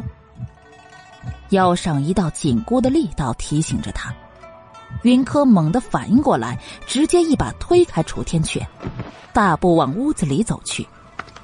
刚走两步，反应过来想将门关上，却被楚天阙压制，然后他便强制推开门，挤了进来。喂，刚刚本王好歹也救了你的，你这小姑娘可不能恩将仇报。理直气壮的理由，云柯恨恨的瞪着他。虽是重生而来，但这个身体终究只有十二岁，跟男子如此亲密。让他的脸烫得不能自已。我可没要你救。声音闷闷的，云柯有些咬牙。为什么每次在这个登徒子面前，他总会轻易的失控？明明早就练好的冷心冷情，也屡屡不见效，这让他有几分挫败。见小姑娘脸皮薄的低着头，楚天却阴直了一晚上的心情。在这一刻放晴。原来小姑娘还有如此可爱的一面，他脑子里突然蹦出一个想法：如果他此时上前将小姑娘给抱到怀里，不知他会是什么样的表情呢？只是想法还没来得及实践，就被小姑娘给瞪得心头发热。如王爷所见，我这确实不适合你来。还请王爷打消这个念头吧。硬的不行，那便只能来软的。云柯收敛了几分生气，好声好气的说道。楚天却没听清小姑娘说了啥，他的眼睛所看到的，便是圆圆的杏眸，配着小姑娘的小圆脸，轻易的让人想上前捏捏。而他也确实这么做。监制：君言讲故事。第一百四十一集，一个清脆的巴掌声在屋子里响起，楚天却又挨了一巴掌。云柯看着自己刚抽巴掌的手，再抬头看到楚天阙那风雨欲来的脸，顿时有些心虚了。他在大楚朝的尊贵，他自然是知道的。他之前说的，从来没有人敢打他。他也信，可这个从来在他手里已经破了两次例了。哪怕是冷静如云柯，此时也没有多大的把握让楚天阙不再跟他计较。云柯，你是不是真以为本王性子随和，说的话都是放屁？楚天却冷着脸欺近而来，他一步步的逼近，云柯因为心虚。只得一步步的后退，门不远处就是一张软榻。云柯被楚天阙给逼得背靠软榻，整个人气恼不已。只见楚天阙双手撑在他身边，高大的身躯此时正弯身凑近他，尽可能的往后仰。云柯不想与他靠得太近，可头能往后靠。身子却被软榻挡着，退无可退。也正因为他的极力后仰，所以整个前身便都落在楚天阙的眼底。本就发育的很好的身段，此时更显明显。楚天阙本是问罪而来，但目光却慢慢的起了变化。因为靠得近，他甚至。都能闻到小姑娘身上淡淡的奶香味。他来不及细想，为何都十二岁的姑娘了还没断奶？他只知道自己此时脑袋有些发晕，眼睛看到的都是那些波澜壮阔的景象。艰难的吞了吞口水，楚天却声音有些嘶哑。他问小姑娘：“说。”你是不是太不把本王当男人了？云柯有些懵，他当然知道他是个男人，而且还是个可怕的男人，一个可以主宰他生死的男人。可为何楚天却要这么问呢？云柯不解，顺着他的目光看向自己的身前，云柯却是突然明白了，气红了脸，又挥起右手，巴掌尚未甩出去，就被他给擒住了手腕。真打顺手了，嗯。上扬的尾音里有着明显的不悦，但那灼灼的目光却让云柯觉得。全身没有一处不发烫的，可恶的臭流氓！云柯咬牙，打不过又骂不过，可内心的不甘心越发的明朗。哼，本王是臭流氓。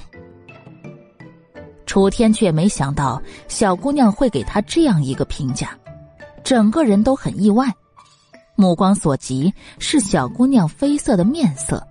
以及眼里那恼羞成怒的神态，这样的小姑娘他之前不曾见过，此时所见却觉得莫名的可爱，可爱的想让人将她给搂在怀里，狠狠的疼爱一番。鬼使神差的，楚天却凑近他耳边轻轻呢喃道：“本王即便是臭流氓，那也只对你一个人耍流氓。”你，云柯没想到这人脸皮会这么厚，再多骂人的话，在这一刻却是说不出来，因为这人的脸皮厚的让他始料未及。本王当如何？楚天却稍退回两分，好整以暇的看着眼前的小姑娘，突然觉得小姑娘斗起来真是好玩极了。那张小脸上的表情也是极为的丰富，让他怎么都看不够。当如何？云柯语塞，他耍了流氓，还要问他当如何？云柯觉得，如果可以，他想直接将他分尸，不知可不可以？看着楚天阙那得意的模样，云柯怒极反笑。小巧精致的小脸上满是明艳，不见丝毫恼意，仿若潋滟初晴的雨后美景一般，让人美不胜收。楚天却再一次看第一百四十二集。啊，王爷宫里可有事情？云柯突然发问，在楚天却看不到的地方，眼里飞速的闪过一抹狡黠。楚天却一愣，没想到小姑娘竟然会突然问这么一个问题。抬头，就见小姑娘笑得灿烂，不知为何，他突然就觉得耳根有些发烫。小姑娘身前的美景似乎更刺激人了。没有。向小姑娘回答这样的问题，楚天却有些别扭。说完，他便迅速的转移了目光。啊！云柯有些不相信的质疑出声。前世他虽至死都未娶王妃，但皇室中人早早的就会有嬷嬷教男女之事，他又如何会没有侍妾？云柯不相信。目光落在他的脸上，发现他耳后有些可疑的红晕。云柯张大嘴：“堂堂三王爷，这是害羞了？”说没有就是没有。楚天却有些恼怒，没有侍妾怎么了？他不喜欢女人的靠近。小姑娘那是什么样的眼神啊？楚天却只觉得额角的青筋有些跳动无章了。切，那王爷也不过是个纸上谈兵的，连个侍妾都没有，学人家耍什么流氓？不屑，外加浓浓的鄙视。云柯顺便还翻了个白眼，那模样要多看不上就有多看不上。楚天却向来聪慧，自然是第一时间听明白了小姑娘话里的意思，一张脸顿时就黑了下来。小姑娘这是质疑他不行？云柯从牙齿缝里挤出两个字来，楚天却风雨欲来。我可有说错？云柯笑意盈盈，这算不算他扳回了一局呢？想不到，号称百花丛中过的三王爷，原来还有这样纯情的一面呢。如果情况允许，云柯真的想捂嘴偷笑。楚天却承认，这的确就是他第一次吃瘪，而且还是一个小姑娘面前。原本满心的怒气，却在见小姑娘笑得离我浅浅时消散了去。眼珠转动，楚天却突然就欺身而上，整个人都压在云柯的脸上，四唇相接。他仿佛听到了花开的声音。云柯瞪大眼睛，好半晌才反应过来，然后便是猛烈的挣扎，手脚并用，也没能将那个臭流氓给从自己身上推开。楚天却原本只是想惩罚一下小姑娘的口无遮拦，却没想到一沾上就再也不想放开了。小姑娘身上香香的，嘴里更是比世上所有的蜜糖都甜，他萌生了亲她一辈子的想法。见小姑娘似乎有些呼吸不畅了，楚天却才终于是放开手。云柯举手想打他，却被他拦住了。做本王的王妃好不好？不经大脑的话，就这样随意的说出口。说出之后，楚天却非但没有后悔，反而心生几分雀跃，满目期待的看着云柯，等着他的回答。不好！满脸的羞怯。在顷刻间消散开去，云柯眼里的痛苦一闪而过，转而摇了摇头。前世嫁进皇室的痛苦经历，让他这辈子不想再与任何皇室的人沾上关系。不管是楚逸轩还是楚天阙，接近他，都与将军府有关。一个楚逸轩就够他头疼的了，楚天阙比楚逸轩更难对付。他并不认为自己有那个能力驾驭眼前的男人。如果不能驾驭，那便只能沦为他的工具。这样的经历有一生就已足够，重活一世，他不想再被任何人利用。为自保，也为了保护将军府，他只能离楚天阙远远的。为何？不是。第一百四十三集。刚才的事情，小女不会放在心上，也请王爷不要再提及了。王爷才华出众，文治武功都不在话下，小女才疏学浅，不敢在王爷面前称师，还请王爷以后不要再来锦院了。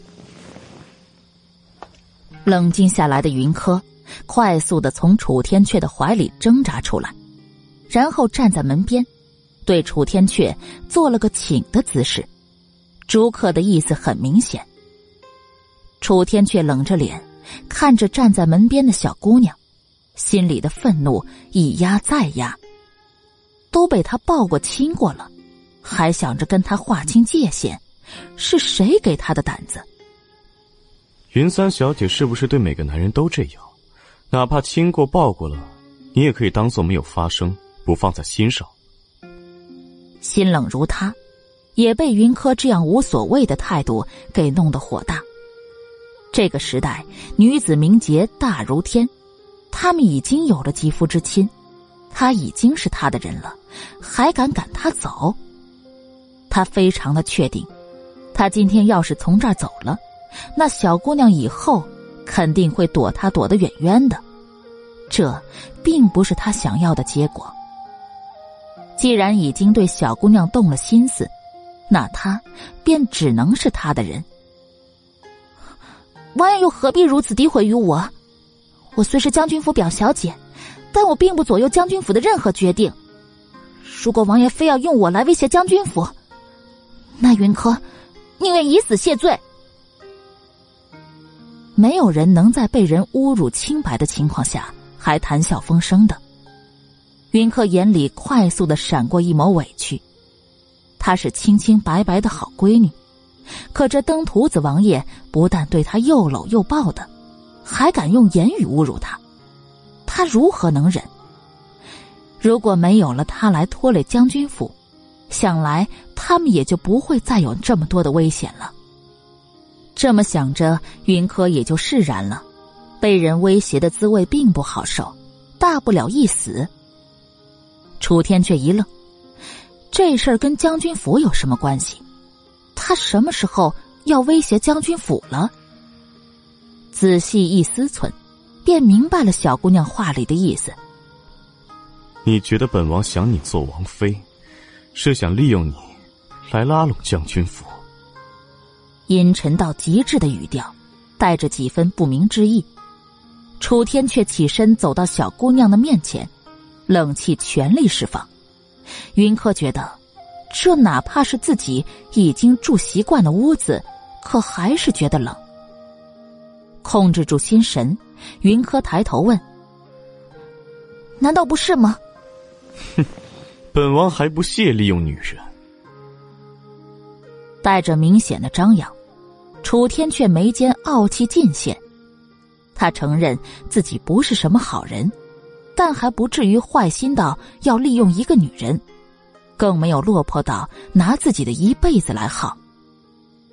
云柯的目光落在楚天阙的脸上，只见他脸上的狂傲尚未完全散去，这一刻。云柯却是突然想笑，而他也真的笑了。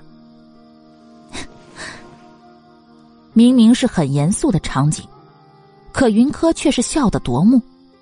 楚天却有片刻的不明所以，但随后又走进云柯两步。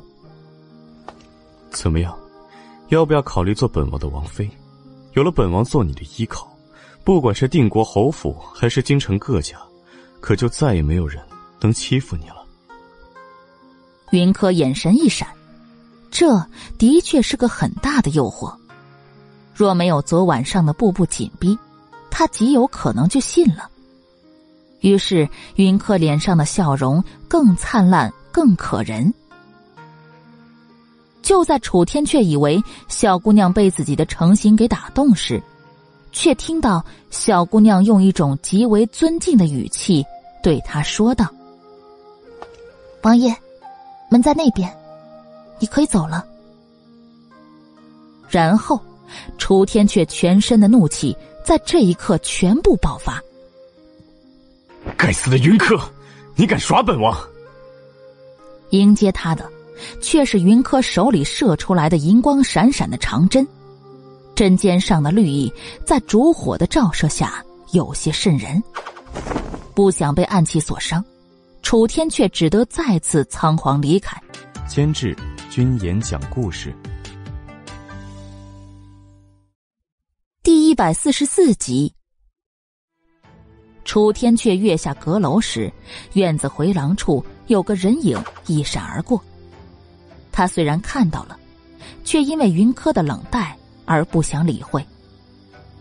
楼上的云柯移动了屋子里的一个茶杯，然后楚天阙便听到了激烈的惨叫声。看到天卓拖着天童出现在院子中，寒秋寒月毫发无声，院子原本的阵法已经破除。哼，丢人！冷冷的扫了天童一眼，楚天却甩袖离开。只是在跨出院门时，他抬头看了一眼云柯所在的房间，恰好看到小姑娘正倚栏而立。四目相接的刹那，小姑娘眼里浓浓的戏谑，让楚天却走出去好远，都还有些愤愤不平。该死的小姑娘，她都以王妃之位相许了，他居然还敢赶她走，真是不能饶恕。可是目光落在小姑娘红润润的双唇上时，却是耳根发热。那唇，比他以前吃过的任何东西都要软润。楚天却眼神一暗，小姑娘，她是要定了。一回不行，他就来二回。总之，不会让小姑娘有机会嫁给别人。因为楚天阙的折腾，云柯第二天起得比较晚。韩秋早早的便去了扶手堂，以云柯身体不适为由，替他在老夫人面前告了假。待云柯起床时，白嬷嬷已经在外守候多时了。云柯唤他进来，韩月，你去门外守着。白嬷嬷一脸的慎重，韩月听后看向云柯。见云柯点了点头，他便带上门，站在门口守着。小姐，霜雪说，巧夫人吩咐玉巧院的人做了一件男装。作为云玉的姨娘，容巧吩咐人做男装，这本是一件极为平常的事情。但能让白嬷嬷如此慎重，云柯觉得此事定有蹊跷。白嬷嬷的话。也并没有说完。这衣，并不是给云三爷做的。云柯虽是用询问的方式说出来，但韩秋和白嬷嬷都听出了话中的肯定之意。对，巧姨娘给三爷做的，姨娘向来是用最好的蜀锦或者冰丝云锦，而且每次都是亲手做。但这次，却是让雪霜他们做。用的还是极为普通的素锦布料，而且尺寸也与三爷不符合。荣巧让下人做衣裳，但却不是给云玉的，而且还用的是极为普通的素锦。这荣巧到底是想做什么呢？云柯眉眼一冷：“ 我知道了，辛苦嬷嬷了。韩秋，去将我那白玉镯子。”拿来赏给嬷嬷，小姐不用，这本是老奴分内之事。白嬷嬷猛地摆手，韩秋已经将玉镯拿了过来。云柯将玉镯递到白嬷嬷手里，嬷嬷拿着吧，虽是嬷嬷分内之事，但我作为主子就该赏罚分明。嬷嬷在景院多年，云柯以后还有许多仰仗的地方呢。见云柯这么说。白嬷嬷收下玉镯。小姐，这荣巧让人缝制男装，到底是何意啊？韩秋终究是有些不放心。在他看来，但凡是要伤害小姐的人或物，都应该从源头上消灭。云柯浅浅一笑，抬头看向白嬷嬷，不知嬷嬷如何看？依老奴看，巧夫人这衣服，定不是给府里主子穿的，怕是起了什么歪心思吧？白嬷嬷一生见过太多的后宅阴私，看的想的，也绝对不是韩秋这样的小丫头片子能比的。云柯听后点点头，跟他想到一块儿了。那就劳烦嬷嬷看紧景院里的丫头。可别让人寻了空子。小姐放心，老奴醒的。第一百四十五集。新的一天，云柯早早起床去福寿堂请安，不想有人比他更早。他到时，云商正在替老夫人捏肩。见他到来，云商极为乖巧的上前来见礼。商儿见过三姐姐，过去是妹妹不对，得罪了三姐姐，还请三姐姐不要跟妹妹一般见识。云柯挑了挑眉，云商这是转性了。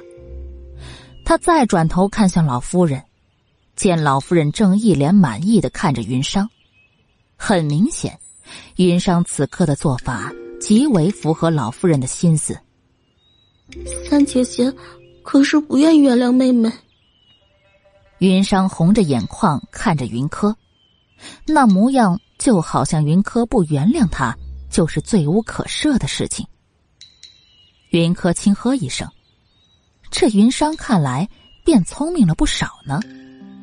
只是转性嘛，那只怕是不可能的了。四妹妹说的哪里话？我们是一副同出的亲姐妹，哪有什么隔夜仇啊？你也真是的，天天窝在芍药院里，也不来锦院找我玩，我都快闷死了呢。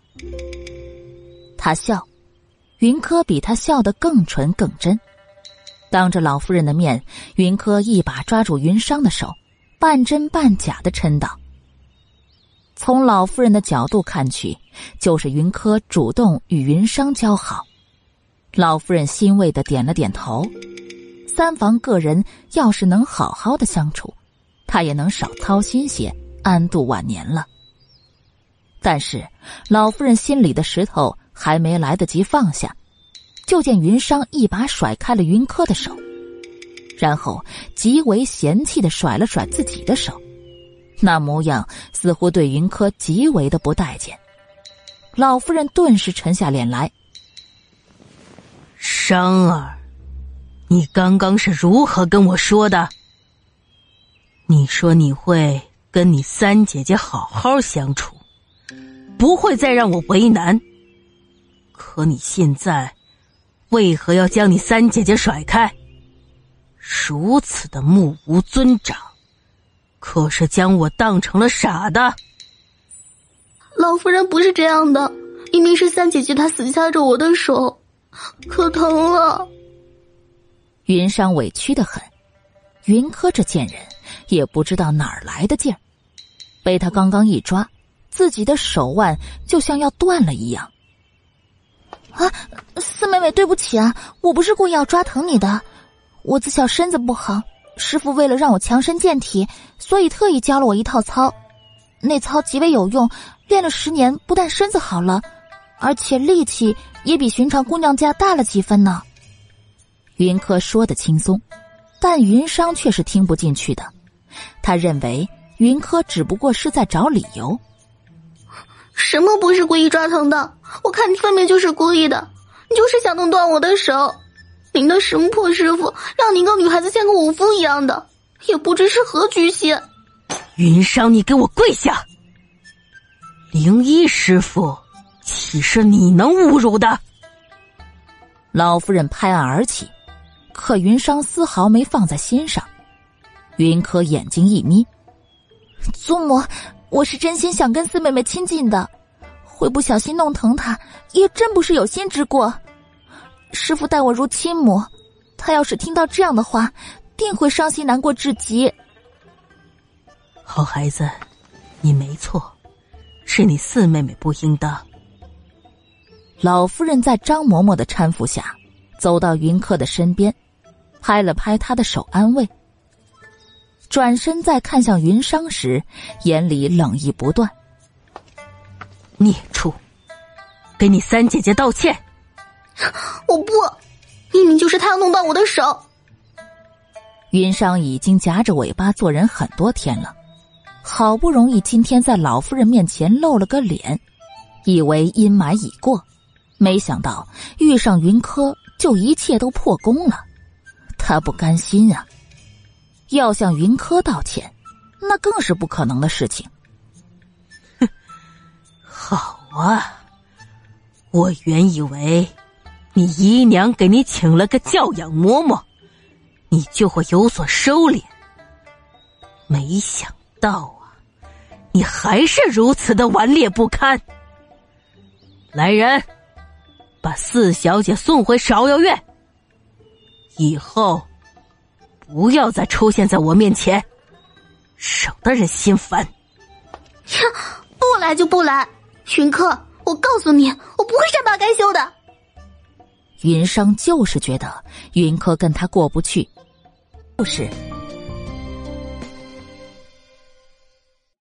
第一百四十六集，云裳撂下狠话，便没要人送，自己气冲冲的走出福寿堂。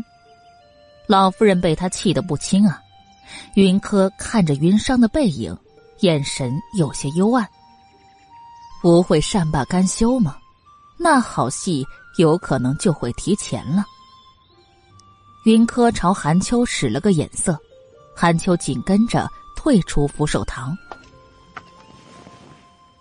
柯姐儿，哎，这庶出的，就是这般。老夫人有些感叹，目光落在云柯脸上，似要看他如何回应一般。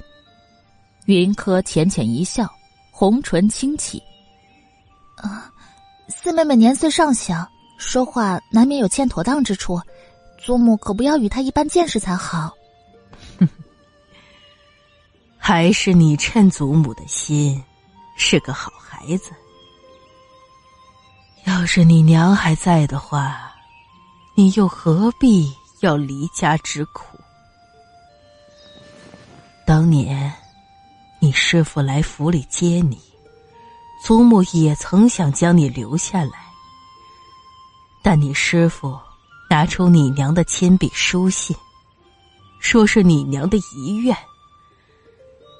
祖母也不好再阻拦，这些年苦了你呀。云柯细细思量着老夫人这话的意思，觉察出老夫人似乎对师傅当年接走他有所不喜，隐约记起在外祖家时曾听说，当年娘亲去世，将军府有想过将他接过去的，但因为老夫人不同意。此刻，云柯没有心思去思索老夫人为何要将他留在定国侯府的深层原因，他只是浅浅一笑，朝老夫人道：“科儿不苦，师傅很好，他与娘亲年轻时相交，感情深厚，对我也是亲力相教。师傅对我来说，等同于娘亲的存在。”老夫人眸底浮沉，云柯看出来了。但假装不知道，陪着他坐了一会儿，便回了锦院。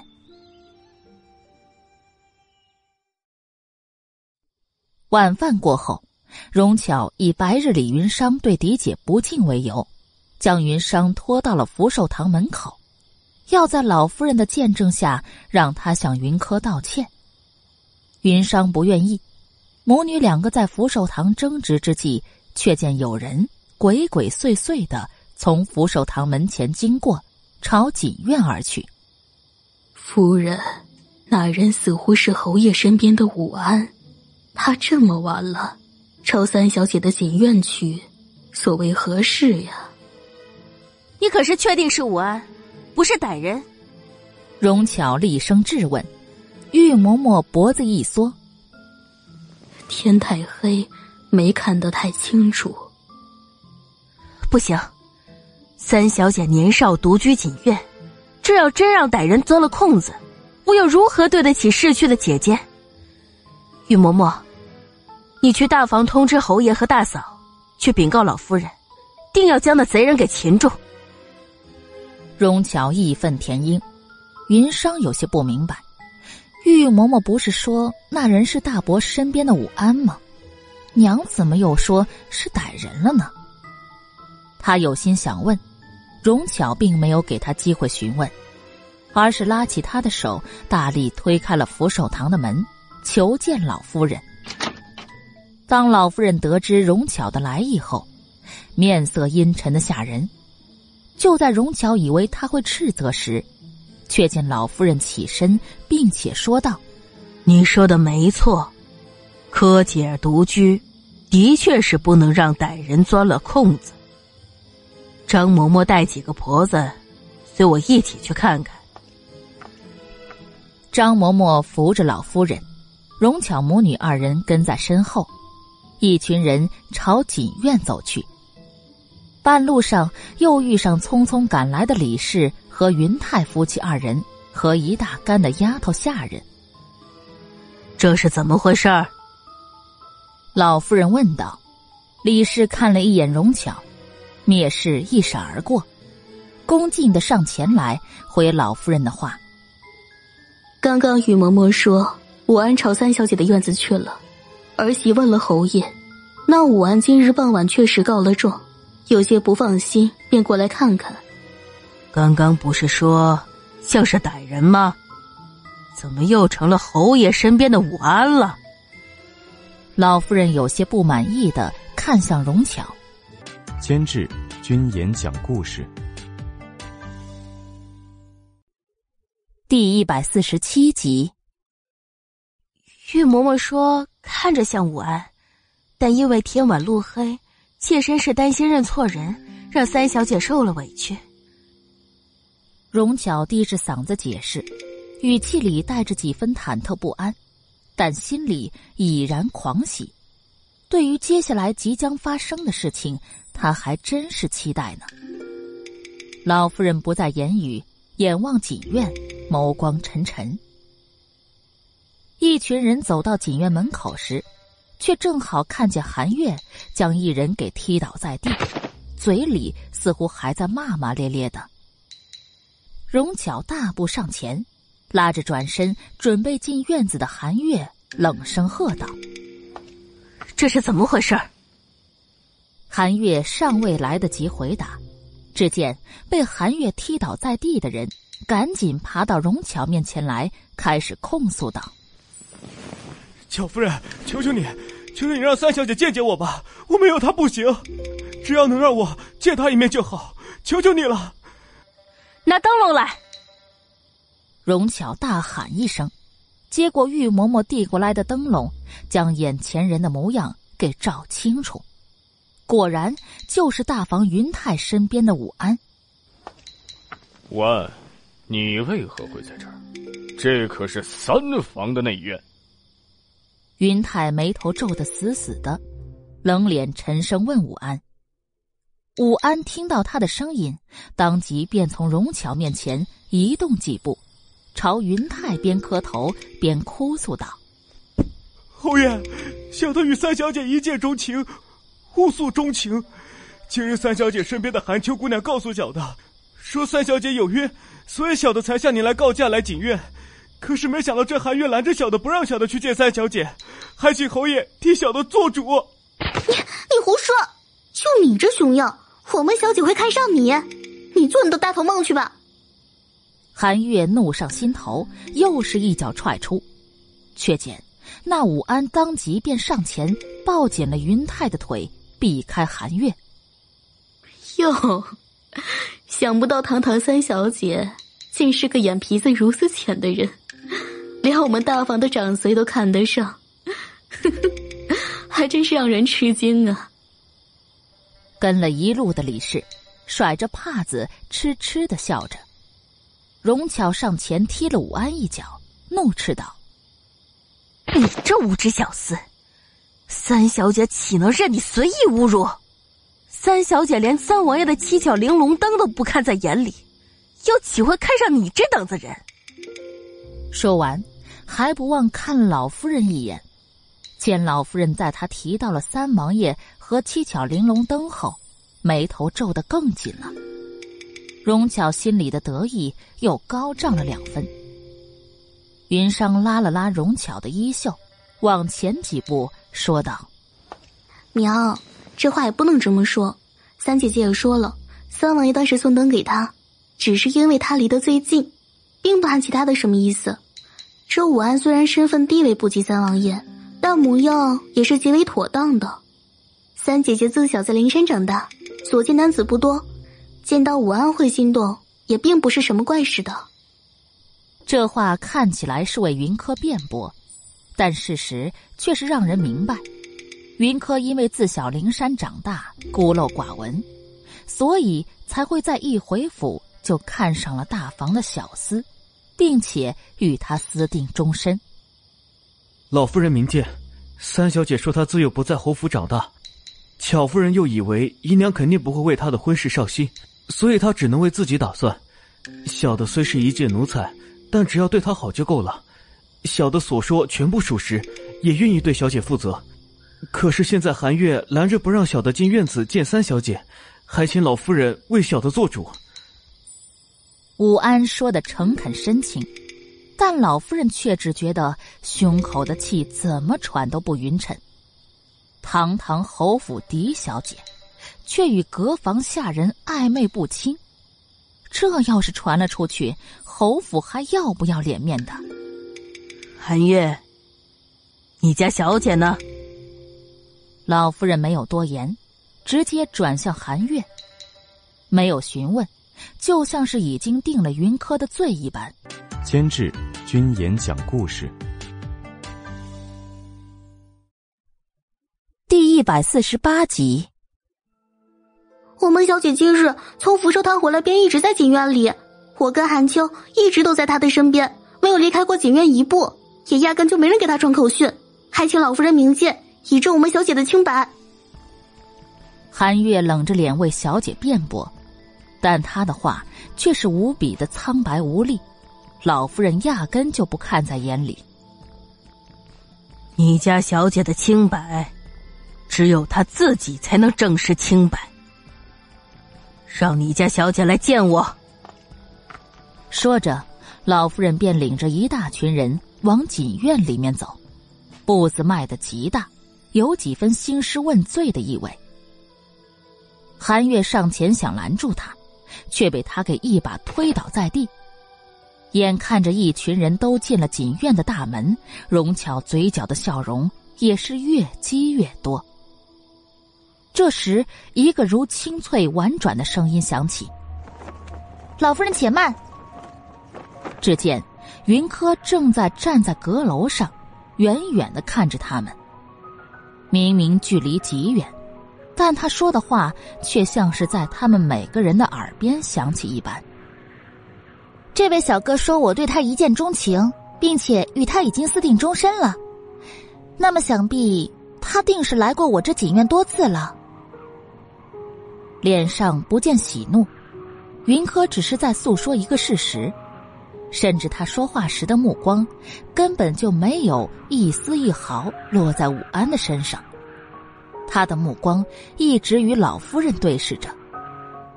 武安远远的看着那静站在阁楼上的少女，明明只不过才十二岁，但那全身散发出来的娴静美好，却让人移不开眼睛。想着很快这小美人就是自己的了，武安心里一阵荡漾。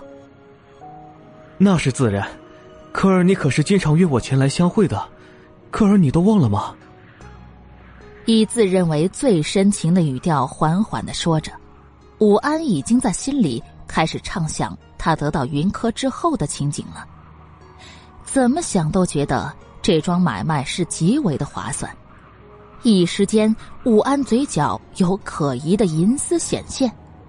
云柯在阁楼上看得清楚分明，耳畔似乎有可疑的响声响起。云柯四望之下。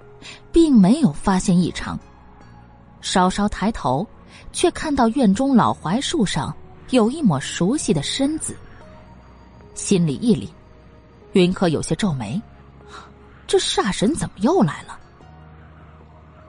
三姐姐也真是不知羞呢，平日里老是一本正经的教训我们，原本也不过是个放荡的。云商此时是兴奋的。他恨不得马上就可以狠踩云柯，夺回属于他的风采。刚刚云柯皱眉，他以为云柯是因为武安当众揭穿他的真面目，所以恼羞成怒。云柯轻扯嘴角，凉薄的看了一眼云商。他上辈子是多眼下无能，连这样一个智商不在线的人都斗不过，他真应该去买块豆腐撞死啊！老夫人，如果我现在说我根本就不认识这武安，更没有与他私定终身，想来你们大家也是不相信的。云柯讽刺的看着老夫人，现在他已经完全可以肯定了，在老夫人心里，他跟这定国侯府里所有的有用棋子一样，只等着被利用而已。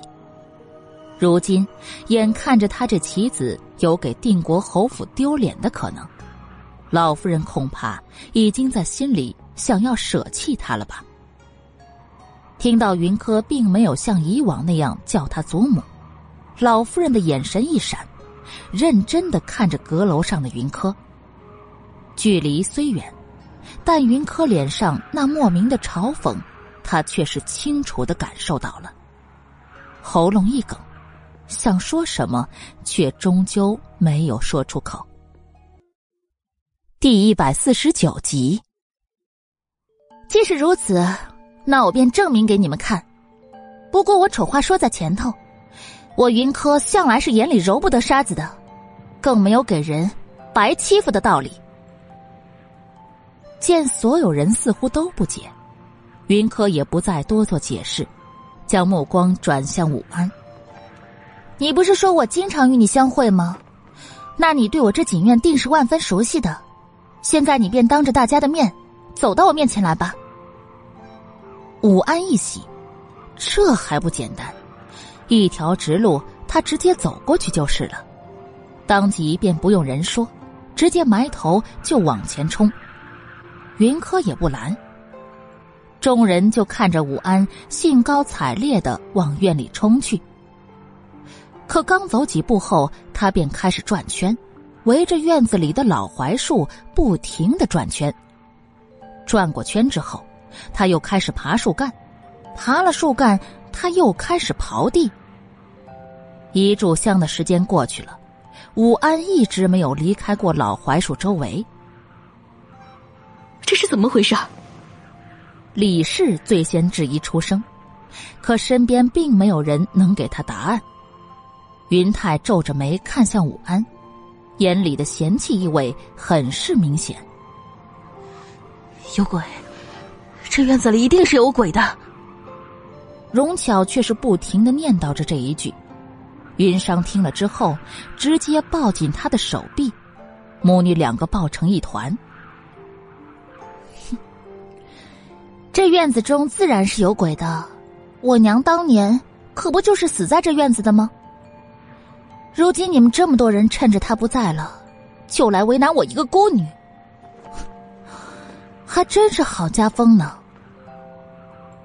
云柯的话仿佛一个响亮的耳光打在老夫人的脸上，他抬头再次看向云柯，却见云柯并不看他，而是直接吩咐韩月：“韩月，请老夫人进来。”原本抱着双臂看戏的韩月。